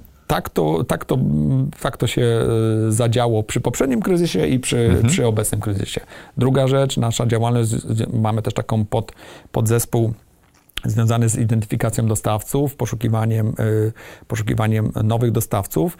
Y, no oczywiście zaburzenia supply chainie powodowały, że, y, że trzeba było tych dostawców dużo więcej szukać, więc ta część biznesu po prostu wystrzeliła od razu w czasie, w czasie COVID-u, więc wydawało nam się, że czynniki makro są mega sprzyjające, mimo całej tej nerwowej atmosfery w w czasie COVID-u, więc również z tego względu za, zawiesiliśmy temat rozmowy z inwestorami, żeby mm, zobaczyć, jak to nam, jak to nam pójdzie w, w, w tych mhm. latach właśnie covidowych. No i, i poszło bardzo dobrze. Jak podeszliście do procesu sprzedaży? Bo to przy, przy, spółce to nie jest takie oczywiste. To, mhm. to, właściciele są bardzo dobrzy w budowaniu biznesu i sprzedawaniu usług, tak. a sprzedaż spółki to jest coś zupełnie innego chyba, nie? Tak, to jest coś innego, więc tutaj e, posiłkowaliśmy się od razu y, doradcą. Czyli jak, jako doradcy wiedzieliście, że doradcę warto zatrudnić, tak? Oczywiście, tak? że tak. To, na czym też sukces Optibaja był zbudowany, to jest to, że my nigdy się nie rzucaliśmy na tematy, na których się po prostu inni znają lepiej. Nie mówię, że się zupełnie nie znamy, ale, ale inni są po prostu lepsi. Więc jeśli mieliśmy klienta, dla którego zrobiliśmy super optymalizację procesu zakupowego i klient mówił, a ja bym chciał, żebyście mi zoptymalizowali jeszcze proces na przykład sprzedażowy, Mówimy, nie, sorry, ale to, to, to, to, nie my, to ktoś inny to może zrobić. Trzeba wiedzieć, kiedy powiedzieć nie. Tak, prawda? tak. No bo y, oczywiście można zawsze coś na takim pro, projekcie zarobić, ale nie odkłada się ta wiedza w organizacji. Nasi ludzie się rozpraszają, robią inne rzeczy i, i nie, są, nie są tacy dobrzy, jakby mogli, mogli być. Jeśli mamy konsultanta, który pracuje na przykład 3 lata, to on pracował dla kilku czasami kilkunastu klientów. Jego wiedza i wszystko dotyczyło zakupów. Różnych aspektów, może część technologicznych, część bardziej, bardziej doradczych, ale, ale taki człowiek jest naprawdę super już y, dobrze przygotowany, więc ten fokus był zawsze naj, naj, najważniejszy, więc jak wybieraliśmy doradcę do, y, do y, transakcji, to było oczywiste, także po prostu musimy kogoś mieć. To byliśmy zwykły proces zakupowy, długa lista, krótka lista, top top y, dwie w zasadzie firmy i między dwoma się zdecydowaliśmy na taką, która naszym zdaniem y, y, lepiej rokowała w kierunku no, tego naszego sukcesu. Tak, także, także tutaj doradca to był w ogóle pierwszy krok, który zrobiliśmy, e, myśląc o, e, o, o tutaj e, poszukiwaniu inwestora. Też na tym etapie jeszcze mógł to być niekoniecznie inwestor, który kupi 100% udziałów, to też rozważaliśmy mniejszościowego. Różne scenariusze tutaj były jeszcze na tapecie. E, drugim krokiem było zrobienie wyceny dla nas, tak e, e, infomemo, czyli dokumentu, który opisuje sytuację bieżącą w firmie po to, aby, aby potencjalni inwestorzy no, mogli się z nami zapoznać, mając konkretne materiały, jaki mamy zespół, z jakimi klientami pracujemy, dynamikę dotychczasową, prognozy na przyszłość, y, y, gdzie mamy ludzi, jakich ludzi, y, wszystkie takie rzeczy, które są z punktu widzenia inwestora dla firmy usługowej niezbędne. Więc to był taki, taki, taki drugi drugi krok, wycena plus to infomemo, no i potem już poszukiwanie potencjalnych kandydatów. Mhm. Czy ta przerwa spowodowana e, COVID-em pomogła Wam jakoś w wycenie firmy? Ona nam pomogła bardzo mocno. Wycena nam wzrosła kilkukrotnie. Kilkukrotnie? Tak, tak. Bliżej nawet dziesięciokrotnie, mógłbym powiedzieć. Więc... dodaliście to ósme zero, tak? Yy, tak, tak, tak. O jedno zero się nam ta wycena po, po, powiększyła. Tylko o zero, tak można powiedzieć, ale na, na szczęście na końcu. Yy, yy, wydaje mi się, że też, y, też nauka, którą ja kiedyś tam y, wyniosłem w rozmowie z, z, z inwestorami, jeszcze miałem taki epizod, kiedy trochę jeździłem gdzieś tam po tej Dolinie Krzemowej, po różnych startupowych eventach, to to, y, aby aby utrzymywać relacje z potencjalnymi inwestorami, nawet jeśli do transakcji nie dojdzie. To jest bardzo ważne. Tak, więc nawet my... z, inwestorami, którzy kupują firmę, ale również inwestorami, którzy inwestują na początku w startup, w startup -hmm. tak? To jest super ważne. Tak, tak, więc my y, y, w momencie, kiedy uruchomiliśmy ten proces, też nie byliśmy jeszcze przekonani, że na pewno go domkniemy, ale powiedzieliśmy, jak nawet go nie domkniemy, to będziemy mieć sprawdzenie, jak jesteśmy widziani na dzisiaj oczami potencjalnych inwestorów. Jak jesteśmy przygotowani? Jak jesteśmy przygotowani, co jeszcze musimy zrobić, więc to był ten taki plan, plan, plan minimum, który chcieliśmy zrealizować i w sumie na tym planie minimum wtedy się zatrzymaliśmy, ale jednocześnie z kilkoma firmami, kilka firm wiedziało, że jesteśmy otwarci na poszukiwanie inwestorów i później, jak w tym covid nam biznes zaczął bardzo fajnie się rozwijać, szybko rosnąć i, i dużo na tych rynkach z Europy Zachodniej jeszcze więcej zaistnieliśmy, wtedy to był już kierunek ze strony inwestorów potencjalnych, którzy zaczęli do nas pukać i pytać, ok, kiedyś wspominaliście, że, że, że, że potencjalnie szukacie inwestora, czy to jest dalej aktualne? No i jak tak, jedna firma przyszła, druga, trzecia i to wszystko było w, w, na przestrzeni dwóch czy trzech miesięcy, to uznaliśmy, że może warto powrócić do tego tematu Y, sprawdzenia, ile jesteśmy dzisiaj warci, jakie mamy opcje na, na pozyskanie inwestora. Czyli, czyli tak naprawdę ten efekt y, tej pracy sprzed z tych trzech lat, tego takiego zasiania trochę, trochę tak jak w starcie firmy i rozwoju tego biznesu y, pierwsze kontakty z klientami dopiero po dwóch, trzech latach. Czasami, A z inwestorami tym bardziej. Z inwestorami było dokładnie tak samo. To nie było aż tak bardzo różne sprzedaż właśnie firmy czy sprzedaż usług. Pewne mechanizmy są, są, są niezbędne. Czyli my z tymi inwestorami, y, y, oni mogli zobaczyć, jakie wysyłaliśmy infomemo, mogli zobaczyć, że nasze realne rezultaty znacząco przebiły prognozy, które były bardzo ambitne. Które bo, daliście tak, im e, na, na, początku tego procesu. Tak, tak? dokładnie, bo y, i, i na początku procesu my kilka lat przed rozpoczęciem tego procesu rośliśmy na poziomie, nie wiem, 10-15% rocznie i mieliśmy jakąś rentowność. Na początku tego procesu obiecywaliśmy, że będziemy rośli jakieś 20-25%. Co było mało wiarygodne. Co było mało wiarygodne, tak? No dlaczego ma być nagle lepiej? A tak naprawdę przez te 3 lata urośliśmy 40-50% rok do roku, czyli I więcej, rentowność również się podniosła. I rentowność się bardzo też podniosła, y, bo zwiększaliśmy efektywność mm, na wielu frontach, tutaj działaliśmy, procesy wewnętrzne, Y, kontrakty z klientami, y, rozwój y, personelu, szkolenia, wiele, wiele rzeczy było, kontroling bardziej efektywny wewnętrzny, więc również rentowność się nam polepszyła. Ale właśnie myślę, że duże znaczenie miało to, że ten, ta, ta historia, którą pokazywaliśmy, trzy lata wcześniej, realia były jeszcze lepsze, więc w momencie, kiedy y, w ubiegłym roku pokazywaliśmy nasze prognozy wzrostu dalszego, podobnie na poziomie 30%, ale z historią trzech lat y, wzrostu 40 czy 50, no to wyglądało to super wiarygodnie i, mhm. i, i, faktycznie tak, tak, się to, tak się to dzieje, więc my się dalej dynamicznie rozwijamy, ten biznes nam, nam urósł, takiego no, tutaj małego gracza na polskim rynku, no to w naszej branży jesteśmy już zdecydowanie naj, największą firmą, więc... W Polsce. W Polsce, A tak, globalnie? Polsce. Y, globalnie to jest y, bardzo y, trudne pytanie, ponieważ w zależności gdzieś tam do jakiej niszy się Aha. porównasz, co nie? Jeśli mm, porównamy się do firm wdrożeniowców systemów IT zakupowych, tak zdefiniujemy sobie tą, tą, tą nasze poletko bardzo wąsko, no to jesteśmy zauważalnym graczem na kilku rynkach. Na pewno na rynku Dach, Niemcy, Austria, Szwajcaria. Tutaj jesteśmy dosyć dobrze znani. E, e, na, na rynku Bliskiego Wschodu też jesteśmy już całkiem fajnie zauważalni. Na rynku Nordics, e, tutaj europejskim również, również, również całkiem, całkiem ok.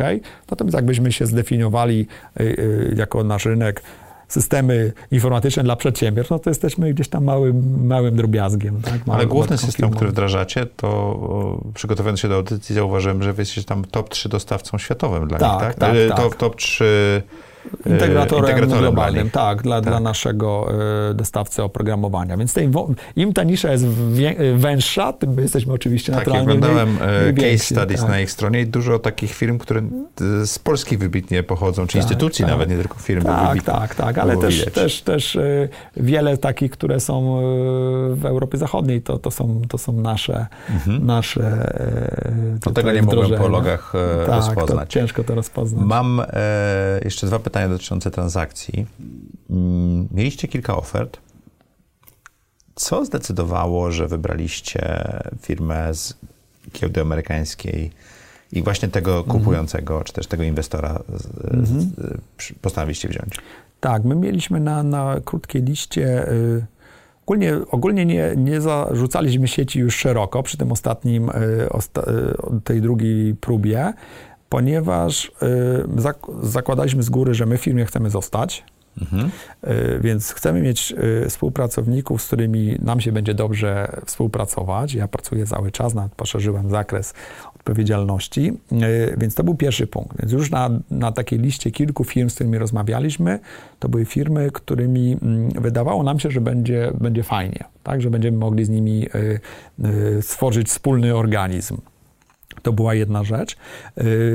No potem oczywiście kwestie finansowe miały znaczenie, kto i czasami też kulturowe, kto, kto na koniec był na takiej zupełnie krótkiej liście. Tam mieliśmy dwie firmy.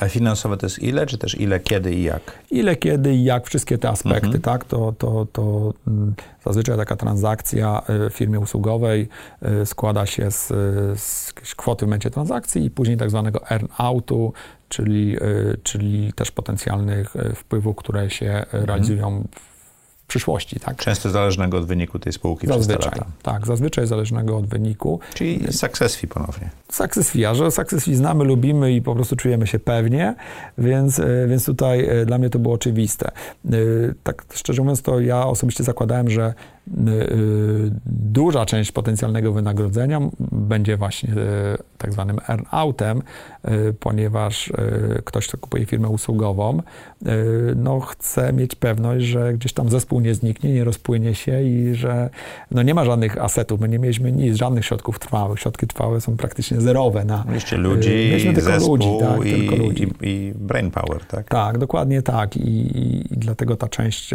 taka odroczona jest ta istotna. Natomiast y, jak pytasz o to, dlaczego WNS, który jest aktualnie naszym właścicielem, y, to była ta firma, z którą na koniec się y, zdecydowaliśmy. Tutaj zrobiliśmy w ostatnim kroku spotkania na miejscu w Warszawie. Zaprosiliśmy tych naszych potencjalnych inwestorów. Pogadaliśmy merytorycznie, posiedzieliśmy, pogadaliśmy prywatnie, poszliśmy na kolację, i, i, I, tak naprawdę patrzyliśmy, gdzie ten fit taki, powiedziałbym, personalny jest, jest lepszy.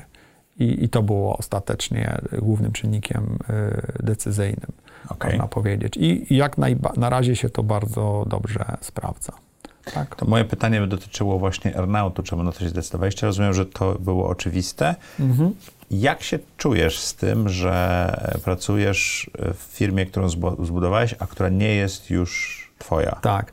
To też bardzo fajne pytanie, bo sam nie wiedziałem, jak się będę, będę czuł. Moja żona z góry założyła, że sorry, a ty to tam nie, nie, nie wytrzymasz, ale y, ja się powiem szczerze, zaskakująco dobrze czuję, jak na y, ten Bo moment. jesteś pracownikiem efektywnie, tak? Tak, natomiast ja w sumie od samego początku, jak założyliśmy już zwłaszcza tą spółkę ZO, to bardzo mocno rozdzielałem y, tematy prywatne od tematów firmowych. Pamiętam, jak tu audyt wewnętrzny nasi doradcy robili. E, e, I nie było samochodów w firmie, tak? Były, były samochody służbowe, tak? tak ale tak, nie ale... tylko dla zarządu, ale też dla pracowników. Zresztą bardzo wystandaryzowane, podobne, bez żadnych fanaberii, żadnego Ferrari tam nie parkowaliśmy, nic takiego. Ale też była taka pozycja sprawdzana, wydatki prywatne na koszt firmy. Y, po to, aby je wyłączyć z przyszłych y, kosztów. Czyli tak? E, wakacje, które były konferencją. O, tak? na przykład takie punkty były tam do, do y, prze, przeanalizowania. Pod, nasi doradcy mówią, takie rzeczy się wyłącza, no bo ktoś, kto kupuje firmę, no wie, że już nie będzie ponosił tych kosztów, więc dzięki temu można mieć lepszy wynik finansowy. No, u nas nic nie było, tak? Po Okazało prostu, się, że nie ma co wyłączać. Po prostu tak? niczego tam nie było, bo, bo, bo nigdy tego nikt nie robił, więc to rozdzielenie pomiędzy firmą a, a tym e, prywatnym światem było zawsze od początku naturalne i, e, i, firma to jedno, ludzie to, e, czy tam właściciel to, to drugie. I może to spowodowało, że, że ta zmiana, no nie wiem, ja czuję takim samym praktycznie zapał do pracy i do gdzieś tam walki o tych nowych klientów jak, jak wcześniej, więc ta zmiana jest mniejsza niż mi się wydawało, że będzie, paradoksalnie. A czuję się właśnie tak dużo bardziej swobodnie, jeśli chodzi o, o, o ryzyka, tak. Jestem raczej takim asekurantem, więc y, y, nie, nie, nie lubię za, za bardzo ryzykować, więc, y, więc teraz no, czuję się trochę bardziej, bardziej pewnie i raczej inni mnie, inwestorzy za, zachęcają do podjęcia większego ryzyka, no ale już nie na mój własny wyłącznie koszt. Łatwiej to zrobić, prawda? Więc jest to trochę, trochę łatwiej, tak. Ja rozmawiam często z e, przedsiębiorcami, którzy doprowadzają do sytuacji, w której zarząd przejmuje władzę nad spółką, a oni są właśnie, to, to, to tak. wasza opcja B. Tak. I mówią często, że oczywiście to nie jest łatwy proces, to tak, zajmuje tak, tak. czas, ale że spółki y, mają większy wzrost w tej chwili, bo te osoby mhm. zarządzające mają mniejsze bariery ryzyka i tak, wezmą tak. kredyt obrotowy czy jakikolwiek tak. inny na rozwój spółki e, w sposób, który właściciel często by nie chciał, czy bał się. Tak, no jestem w stanie sobie to w 100% e, wyobrazić. No poniekąd tak, to tak, tak masz, tak? tak, tak Twoja rola również się zmieniła, prawda? Mhm, tak, to moja rola się zmieniła o tyle, że w tej chwili już OptiBuy miał pewne struktury globalne, mhm. właśnie nasze działalności na tym rynku dach, na, na, na Middle Eastie, ale w tym momencie mój zespół się powiększył o, o, o też osoby za oceanem, w Stanach, w Kanadzie y, i, y, i zaczyna no jest to zespół globalny, można powiedzieć, w tym momencie. Nie mam jeszcze w dalekiej Azji y, nikogo w tym momencie, ale to się, to się też pewnie zmieni. Czyli ty budujesz OptiBuy globalnie już w tej chwili? Tak, tak. Tą naszą, naszą tą praktykę doradztwa i digitalizacji zakupów y, zupełnie globalnie, co nie ukrywam jest super ciekawe. Bo WNS nie miał tej praktyki mocno rozwiniętej, Nie, prawda? nie. Zakupową tak, jak najbardziej. Łącznie w teraz w grupie nas jest około 2000 osób, co robią rzeczy związane z procurementem globalnie. To już jest, to już jest naprawdę duża grupa. Ale nie wdrożenia. Wdrożenia, tak, to jest nasz zespół OptiBuyowy, około 100, 100 osobowy. Y, I, y, I my wchodzimy w organizację, która zna zakupy, ma klientów korzystających z tego typu usług, natomiast relatywnie niewiele robiła w zakresie właśnie digitalizacji. Więc to, co robiła, ja, ja, ja to mam w tej chwili też pod moimi skrzydłami, y, konsoliduję i, i rozwijam. No i y, mamy, mam zadanie, aby y, które sobie tak naprawdę sam postawiłem, bo to chciałem, chciałem robić. To była jedna, to też była taki jedna, jedna z przyczyn, dlaczego wybraliśmy akurat e, WNS. Oni nam zwiększali e, prawdopodobieństwo sukcesu właśnie za oceanem. Drugi oferent był tam mniej, mniej rozwinięty. To też była taka druga, ale już, już mniej, istotna, mniej istotna cecha. Finanse były podobne. Mhm. To, to nie miało znaczenia. Mm, I, i, i to rozwijanie biznesu, no wiem, że tam sporo spędziłeś czasu, więc może to nie jest żadne, żadne, e, żadne halo, ale dla mnie e, to jest taka fajna, ambicjonalna rzecz, jednak znaczy, wejście na nowy rynek. rynek, tak, inny, inna kultura biznesowa, już ten właśnie Bliski Wschód, to było takie zderzenia z kompletnie innym sposobem pracy, czasami brutalne i bolesne. Zobaczymy, jak to będzie za oceanem, ale no, takie rozwojowe dla, dla mnie to jest na pewno bardzo. Y, że mogę y, no, spróbować się na jakimś takim innym, innym froncie. To mam, mam wrażenie, że tutaj w naszych tutaj rynku lokalnym czy, czy europejskim to wiadomo, jak trzeba ten biznes robić i po prostu się go wykonuje i wielkich niewiadomych nie ma. A tu masz dużą niewiadomą. A tutaj jest duża niewiadoma i to jest takie ciekawe, tak? No, Czyli twoja żona chyba nie miała racji. No, zobaczymy. Zobaczymy. Na razie, na razie nie. Na razie nie. Przypominam już to coraz rzadziej, ale na razie yy, yy, mi się fajnie w tej nowej strukturze pracuje. Ile to potrwa? Zobaczymy, tak? Na, poprzednia ścieżka trwała 17 lat e, i, i, i, i, była też ciekawa, ale warto spróbować czegoś nowego. Ale to jest ciekawe, bo to aż się oczy uśmiechają dla tych, co nie, nie oglądają, tylko słuchają. Sprzedałaś firmę, nie jest już twoja, mhm. A, a sytuację i to, co możesz robić, ten, ten, ten zakres y, Twojej pracy jest dla Ciebie bardzo fajnym wyzwaniem. No pewnie, że tak, pewnie, że tak. Jest, a zabezpieczenie rodziny i tej, tej mm. drugiej części życia już masz z głowy. Tak, więc mam taką, tak, taki komfort, tak. Robisz, bo możesz, a nie musisz, tak? Tak, dokładnie tak. I to jest, to jest moim zdaniem duży komfort i no jest to ciekawe, tak? Więc, więc mi się to Super. podoba, tak? Więc jak na razie polecam, tak? Optymistycznie Super. to wygląda.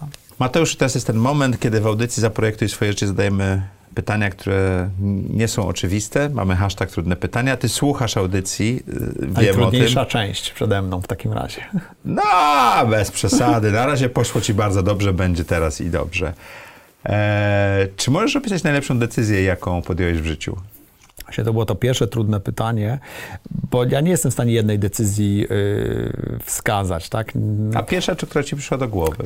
Yy, na pewno jestem super zadowolony z decyzji prywatnej, czyli żona, trójka dzieci i gdzieś ta odskocznia zawsze od, od zawodowego życia, więc raczej bym wskazał na, te, na to mhm. życie prywatne, bo bo jesteśmy razem już y, naprawdę długo i, wszystko y, się dobrze układa, więc... Dobór partnera czy partnerki to chyba najważniejsze decyzje w życiu. Tak mi się wydaje, tak, tak mi się wydaje. Pamiętam, jak y, czytałem wywiad z jednym z przedsiębiorców, który tutaj u ciebie też był, który powiedział o firmie, że firma to nie dziecko, u dziecka się nie sprzedaje, po tym jak on sprzedał. I tak... To dobre. Po, pomyślałem, że to coś w tym jednak jest, tak? Także y, y, praca zawodowa jest mega ważna, y, natomiast te tematy powiedział, prywatne są w sumie chyba najważniejsze, więc ta, te decyzje y, na jakiś tam sukces zawodowy składało się dziesiątki, setki decyzji i jedna w sumie nie ma znaczenia, tak, bo jakaś jedna zła, no okej, okay, no trudno, żeby wszystko przekreśliła jedna zła decyzja, no a w życiu można sobie jedną złą decyzją, myślę, zachlapać dosyć mocno, więc ja bym skupił Miles się Miles Davis powiedział, że nie ma fałszywej nuty, Ważne jest, jaką nutę zagramy później. To o, a propos o, tych decyzji, można okay. chyba tak to przełożyć, tak? Tak, tak, tak, to Ale dobre. Podoba mi się, że pieniądze, że firma to nie dziecko, tak? Tak, to, z, zostawiam tak, sobie z tej to, rozmowy. To, to, to było dobre. Co daje ci najwięcej energii czy satysfakcji w życiu? Tutaj powiedziałbym i zarówno te, te prywatne, jak i, jak i zawodowe rzeczy się prze, y, prze, y, tam mielą między sobą. Y, ja bardzo lubię podróże. I to znowu właśnie, zarówno prywatne, jak i, jak i firmowe, więc jak nie lubię podróżować może bardzo, bardzo często, były takie okresy, kiedy w ciągu dwóch tygodni byłem w stanie, Bliski Wschód, Stany, Bliski Wschód, znowu Warszawa, to było wykańczające. To był Ostatni miesiąc przed COVID-em tak wyglądał między innymi. E, to było za dużo, ale znowu jak jest ten długi okres, kiedy się siedzi w domu, to to mnie trochę już wtedy męczy. Podróże, poznawanie nowych ludzi, nowych kultur, nowych miejsc, e, to, to jest coś, co chyba mnie tak najbardziej nakręca w, tak w życiu. To, to, to, mhm. mnie, to mnie interesuje, ciekawi, sprawia dużo satysfakcji. Jak wygląda Twój typowy dzień? Teraz on wygląda dosyć standardowo, ze względu właśnie na, na dzieci w wieku szkolnym i, i przedszkolnym, yy, więc pomijając weekendy, to wstajemy, śniadanko, zawiezienie do szkoły, biuro, potem czasami odebranie, czasami wracają, wracają, wracają same. Yy, do domu, chwilę spędzenie czasu razem, kolacja i ewentualnie później czas, czas, czas dla siebie. Nie pracujesz Także, wieczorami? E, zdarza się czasami, że, że, że pracuję wieczorami, e, ale to nie jest e, norma, tak? Nie ale masz to... biznes w kilku strefach czasowych, jak sobie z tym teraz No robisz? właśnie teraz się trochę po, pogorszyło. Wczoraj miałem telekonferencję o 8 wieczorem, mhm. właśnie głównie z, no, z zastanami, więc to się trochę tutaj mm, Y, rozszerzyło, że tak powiem, y, ale nie jest jakoś y, przesadnie. Mamy ten, ten slot między trzecią po południu a 17, 18 u nas, kiedy to jest poranek za oceanem. Moi współpracownicy są na wschodnim wybrzeżu, więc to jest te 6, czasami 7 godzin różnicy, więc jesteśmy w stanie się gdzieś tam mhm. w tych normalnych godzinach pracy dla obu stron normalnych. Dla obu stron Y, załapać, także nie jest tak najgorzej. Mhm. Czyli masz takie zbalansowane to, to życie. Bardzo, bardzo standardowe. Y, dużo wcześniej się kładę spać niż kiedyś. Kiedyś mi się wydawało, że wstawanie nie ma 6.30 to jest jakaś męka. Teraz nawet w weekendy się tak czasami budzę, bo to Ale tak to, wygląda to wiesz, to jest, to jest tak zwana peseloza. To możliwe, możliwe. Także, ja widzę po sobie. Także y, raczej standardowe, tak, taki, taki zwykły tryb. No, to, na co zwracam mocno uwagę, to właśnie odpowiednie wysypianie się, odżywianie. Nie mam za wiele ani czasu, ani, ani gdzieś tam dużej chęci na sport, czasem jakiś basen, takie, to, to raczej tak, regularnie. Natomiast y, y, staram się te dwa aspekty y, spanie i odżywianie mieć odpowiednio obsłużone i to faktycznie ułatwia życie. Czy jest coś, czym mógłbyś przestać teraz robić, co poprawiłoby Twoje samopoczucie albo spowodowało Twój rozwój? Mhm. Na ten moment krótki, y, to ja jestem cały czas w tym okresie takiej tranzycji pomiędzy y, zarządzaniem firmą y, prywatną, taką mniejszą, a, a częścią dużej grupy, więc część rzeczy, które mam, są jeszcze pozostałością tej, tej historii, które po prostu przedsiębiorca musi zrobić, wiele formalności, rzeczy, jakichś urzędowych, y, którymi się jeszcze muszę zajmować, a, y, y, a dodatkowo już też wpadają rzeczy takie właśnie ogólnofirmowe, korporacyjne i najbardziej mnie męczą właśnie te wszystkie takie administracyjne rzeczy, które jeszcze gdzieś tam mam. No nie mam co do, do tego gdzieś tam powiem z serca, tak, żeby mhm. dopilnowywać terminów. Jak był taki moment, kiedy się w firmie y, y, akceptowałem przelewy, to pracowników, to się co drugi miesiąc zdarzały obsuwy, tak? bo, bo po prostu tego nie, nie dopilnowałem. Więc zawsze jak mam takie rzeczy y, y, administracyjne, bieżące, to, to, to, to, to, to mi się nie podoba, to mnie męczy, więc im więcej jest takich rzeczy przestaję robić, tym, tym się lepiej czuję.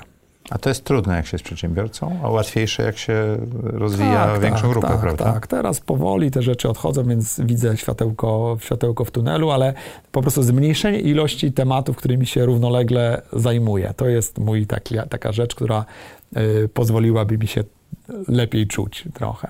Nie chodzi o ich rozmiar, ale po prostu ilość na tej liście do, do wykonania. Super. A jaką masz supermoc?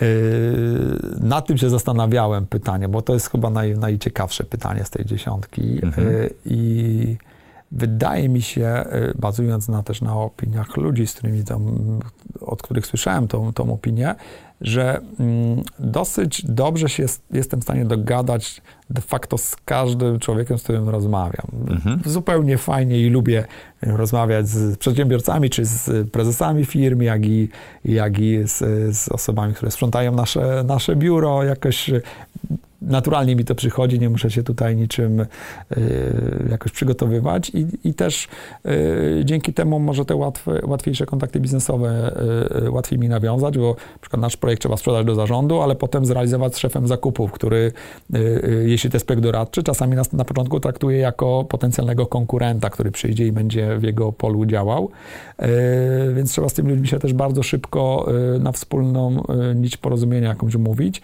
i wydaje mi się, że, że to mi wychodzi, wychodzi dobrze, tak? Żeby z bardzo różnymi y, ludźmi, czy to z różnych kultur, z różnych krajów, jakoś tak yy, dobrze mi się y, te rozmowy toczą i to zaufanie jestem w stanie zbudować, więc to chyba jest najważniejsza rzecz. Ludzie, którzy nas otaczają, e, powodują, że odbijamy z nimi myśli.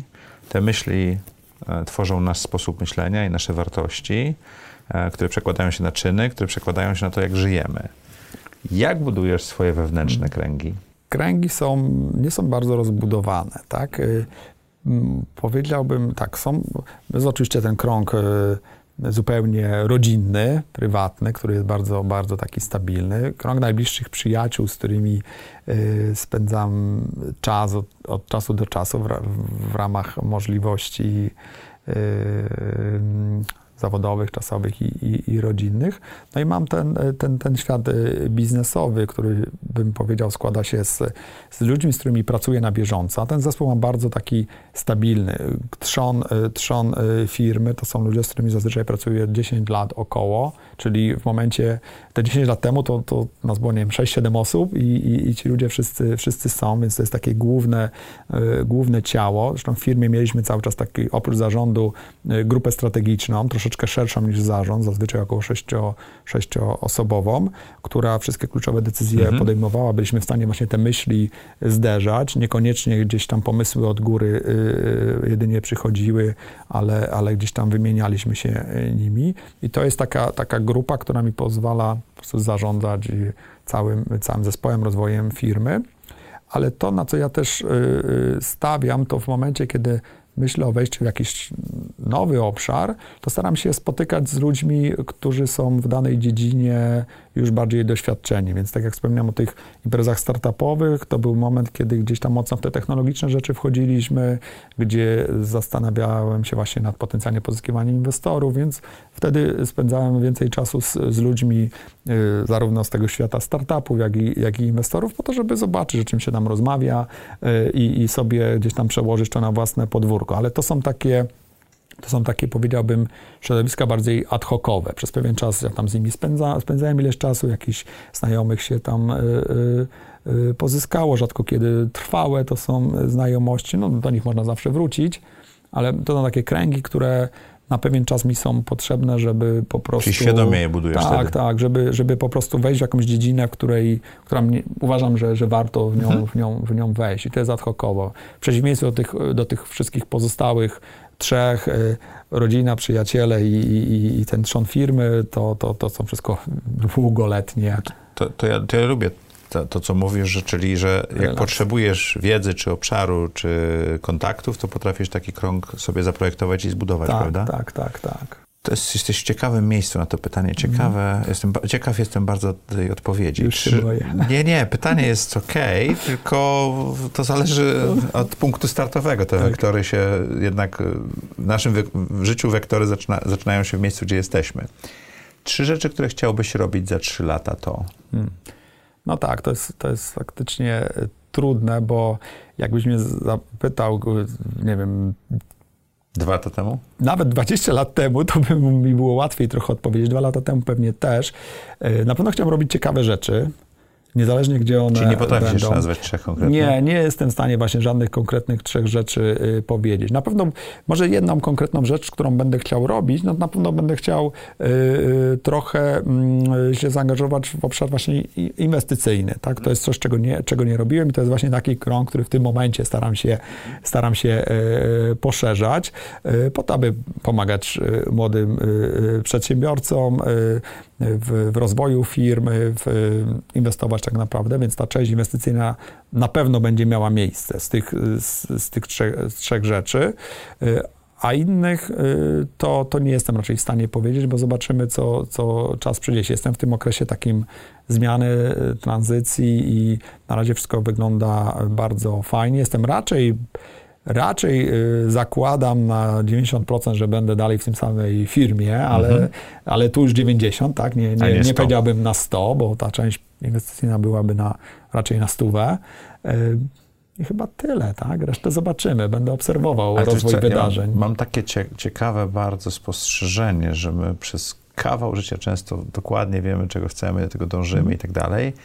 I jak to osiągniemy, czyli tą niezależność finansową, Tak. wolność finansową, pełne samostanowienie czasu i tak dalej, i tak dalej, to nie jest takie oczywiste, co tam wybrać, tak? No, bo, bo oczywiście. nagle można wybrać, to jest podobnie jakby się miało 20 lat, można Tak. było wybrać wszystko, Tak. to ponownie można wybrać wszystko, ale Mhm. ma się te 20-30 lat doświadczeń i wiedzy Tak. i te wybory już nie są takie proste i oczywiste. No, one są na pewno, na pewno z innej puli wybierasz, tak? Tych możliwości, które, które, które masz, tak? I czasu też jest trochę, trochę może mniej, natomiast yy, no, to, to jest ciekawe spostrzeżenie, że, że dla mnie to jest jakiś tam nowy rozdział, tak? W, w życiu zawodowym, tak? No, w prywatnym to, to raczej, raczej nie. To ja mam takie dwie rzeczy, które również spostrzegam, że po pierwsze nie liczę już miejsc, y, gdzie byłem, tylko liczę miejsca, gdzie jeszcze nie byłem. Okej. E, I nie liczę, ile mam lat, tylko ile mam jeszcze lat takich, które mogę aktywnie, fajnie spędzić, tak, nie? Czyli tak, tak, to troszeczkę z, z drugiej strony ta, Tak. ta, ta linijka jest robiona Tak, to w obu tak. przypadkach. To jest, jest tu coś na rzecz. Ostatnie trzy lata, e, to już trochę mówiłeś o tym w wywiadzie, to było dużo perturbacji. Tak. Pandemia, e, wojna e, tuż za naszą granicą, Mhm. e, totalnie zmieniająca się sytua- sytuacja technologiczna, ekonomiczna i wszystko, co się dzieje przez te lata. E, Ja myślę, że kiedyś się mówiło o świecie VUCA, to to w tej chwili już jest takie, takie, takie, takie, takie delikatne stwierdzenie tego, szczególnie tutaj w Polsce, z czym się spotkaliśmy. Czego cię ten okres nauczył? Zanim odpowiem na to pytanie, to jeszcze odnośnie tej WUKA, anegdota. był październik roku 2019, a tak naprawdę jeszcze listopad 18, kiedy planowaliśmy naszą konferencję zakupową, którą robimy raz do roku dla środowiska zakupowego. Planowaliśmy ją na październik 19 roku. Ja zaproponowałem, żebyśmy zrobili pod hasłem WUKA konferencję. Y, I pamiętam, nasz współorganizator ze stowarzyszenia yy, skomentował to trochę tak, jeden z przedstawicieli, że co to za WUKA, business as usual, zawsze są jakieś zmiany, problemy. No ale zrobiliśmy ten temat, 2019, WUKA, wielka prezentacja kolegi na temat y, czarnych łabędzi i, i wiele innych takich tematów. No i 4 miesiące, 5 miesięcy później COVID 2020, no i nagle WUKA się wszędzie pojawiło. Także y, tutaj taka mała satysfakcja, że, że, że ten temat się udało wyciągnąć zanim była ta wojna. Później w kolejnym roku mieliśmy super, y, super story, chodźcie do nas, my wam powiemy, co się może zdarzyć, się zdarzy w przyszłości. I, a teraz będziemy mówić o tym, tak? E, I przyszli. O, I przyszli, oczywiście, tak, oczywiście. W 20 roku co prawda było online, bo, bo był, staliśmy dzień roboczy przed konferencją, e, zakaz e, fizycznych spotkań, tak to było. 20 dzień roku. roboczy przed konferencją? Tak, tak. W, w czwartek została ogłoszona decyzja, że od, ponie- od, od poniedziałku jest zakaz zgromadzeń. A, a to w marcu robiliście konferencję? Nie, to było w październiku. Przez lato był taki okres a, okay, okay. powrotu, a potem z powrotem no, nie zdążyliśmy o, o, tydzień, więc, ale byliśmy przygotowani. Plan B, tak jak powiedziałem, miała być to hybryda, więc wszystko poszło do online'u. Y, natomiast y, czego y, ten okres nauczył, no właśnie moim zdaniem tego, że zawsze ten plan B trzeba mieć, że ja na przykład przykład w tym 19 roku miałem przeświadczenie bardzo głębokie, że za długo jest dobrze, żeby się to utrzymywało. Gospodarcze przede wszystkim. No, oczywiście nie przewidywało pandemii, tak? to, to, to jest jasne, czy, czy, czy, czy, czy pustych ulic. nawet, tak, czy pustych ulic, ale to, że się coś musi wydarzyć, to było raczej no, za długo. No, nie ma w historii przynajmniej XX wieku okresów 15 lat bez, bez kryzysów gospodarczych grubszych, tak? Więc coś się musiało wydarzyć. No, wydarzyła się akurat ta, ta pandemia, yy, yy, więc yy, trzeba być przygotowanym na takie uderzenia różne zaskakujące negatywne, a jeśli się jest przygotowanym, to można z nich bardzo wiele pozytywów y, wyciągnąć. To, co my właśnie na przykład w firmie stawialiśmy, to to, że mieć bardzo, bardzo solidny cash flow, y, który by nam, moj, moją ideą fix od początku firmy było to, żebyśmy byli w stanie bez pozyskania nowego klienta przetrwać 6 miesięcy. Zawsze był taki KPI, który sobie postawiłem, żeby mieć takie, takie, takie rezerwy płynne. to ważne. Tak, żeby, żeby nie mieć presji, bo to pozwala ci y, też sprzedawać dużo bardziej efektywnie bo nie musisz wszystkiego brać. Jak warunki są nie ok, to po prostu prze, możemy poczekać i za miesiąc y, zamkniemy jakiś inny, mhm. inny deal. Więc y, y, w covid to się bardzo fajnie sprawdziło. W momencie, kiedy firmy często nie wstrzymywały premie, obniżały wynagrodzenia, y, czy, czy, czy jakieś zastanawiały, czy zwalniały, nawet czasami się niektóre zdarzało, my y, Mamy taki system, że płacimy premię na wiosnę, na koniec marca i na koniec czerwca w dwóch ratach, więc pierwsza była zaraz po ogłoszeniu lockdownu, wszystko poszło jak należy, w czerwcu też, więc cały zespół y, był, y, był super zadowolony. Mieliśmy najwyższe wyniki badania satysfakcji pracowników ever w 2020 roku, a badanie nam Ania zaproponowała kilka lat wcześniej i, i wykorzystaliśmy ten, ten moment, kiedy w wielu firmach się działo źle, E, to u nas wszystkie ręce na pokład, ale byliśmy po prostu przygotowani, tak? bo, bo mieliśmy tą poduszkę I też pracownicy z większą motywacją e, absolutnie, w kryzysie tak, absolutnie. Pracowali. Wszyscy pracowali z większą motywacją, byli dobrze też potraktowani, I, więc trzeba być przygotowanym zawsze na taki, taki scenariusz. No, zakładanie, że wszystko pójdzie idealnie, no to, to raczej nigdy się tak nie zdarza, tak? Że, że, że wszystko pójdzie bardzo yy, według nie wiem, optymistycznego scenariusza. Tak, także, także taki plan B, backup yy, i wtedy co by się nie wydarzyło, to, to, to sobie można poradzić z zaskakującymi wydarzeniami. A książka która? Ja yy, czytam y, mniej, więcej słucham audiobooków, tak, ale to na jedno wychodzi de facto. Staram się tam tych, nie wiem, 40-50 pozycji w ciągu roku przełknąć, ale y, słuchając też audycji, wiem, że często są książki biznesowe. Ja mniej więcej jedną trzecią książek, które czytam, to dotyczą w jakiś sposób biznesu. Natomiast szczerze mówiąc, nie jestem z nich w stanie aż tak dużo wyciągnąć, jakby mi się wydawało.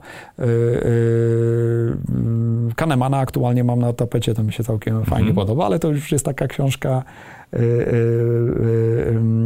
Trochę już klasyk. Klasyk i taka z mojej ulubionej działki ekonomii behawioralnej, tego typu rzeczy. To, to, A z tych niebiznesowych to, to jedna Ja książka? jestem fanem Solaris Uuu, Lem. Myślę, albo Fiasko Lema, jeszcze może ciekawsza mm. pozycja. Lem, Lem chyba najbardziej. Tymi tematami biznesowymi zajmuję się od rana do nocy, a e, taka bardziej popularna e, literatura pozwala e, oderwać się trochę do innego świata, zresetować, trochę inaczej pomyśleć i jakiś taki mm, psychiczny, spokojny stan mnie wprowadzić, więc, więc tych nie, nie biznesowych to, to, to chyba to jest numer jeden. Ogólnie lubię tego typu tematykę, ale e, on jest dla mnie takim mózgiem mega, który tyle rzeczy przewidział, oprócz telefonu komórkowego. Tam nawet w kosmosie mają telefony na kablu.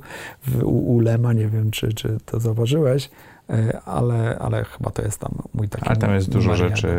Ja mówiłem ostatnio tutaj o niezwyciężonym tak, gdzie bardzo fajne, tak. masz tak. totalną mechanizację tak, i nanoboty już tak, wtedy tak, wymyślone, tak? Tak, wszystko, wszystko tak jak jest, Kindle opisany prawie idealnie, tak, więc wiele, wiele takich rzeczy zaskakujących.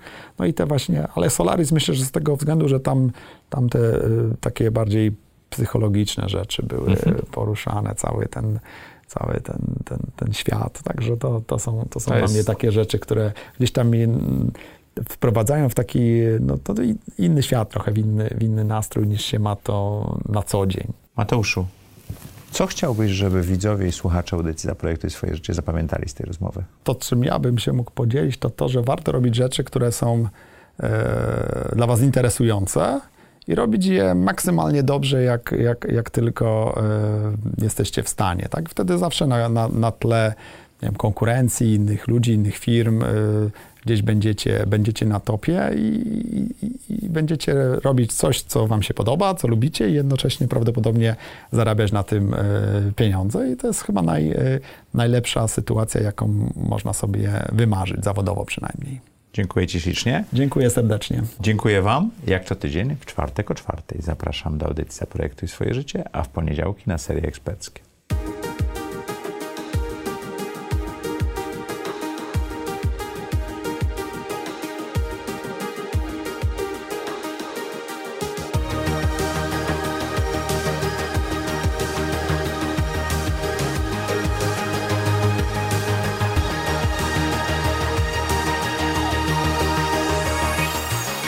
Zaprojektuj swoje życie.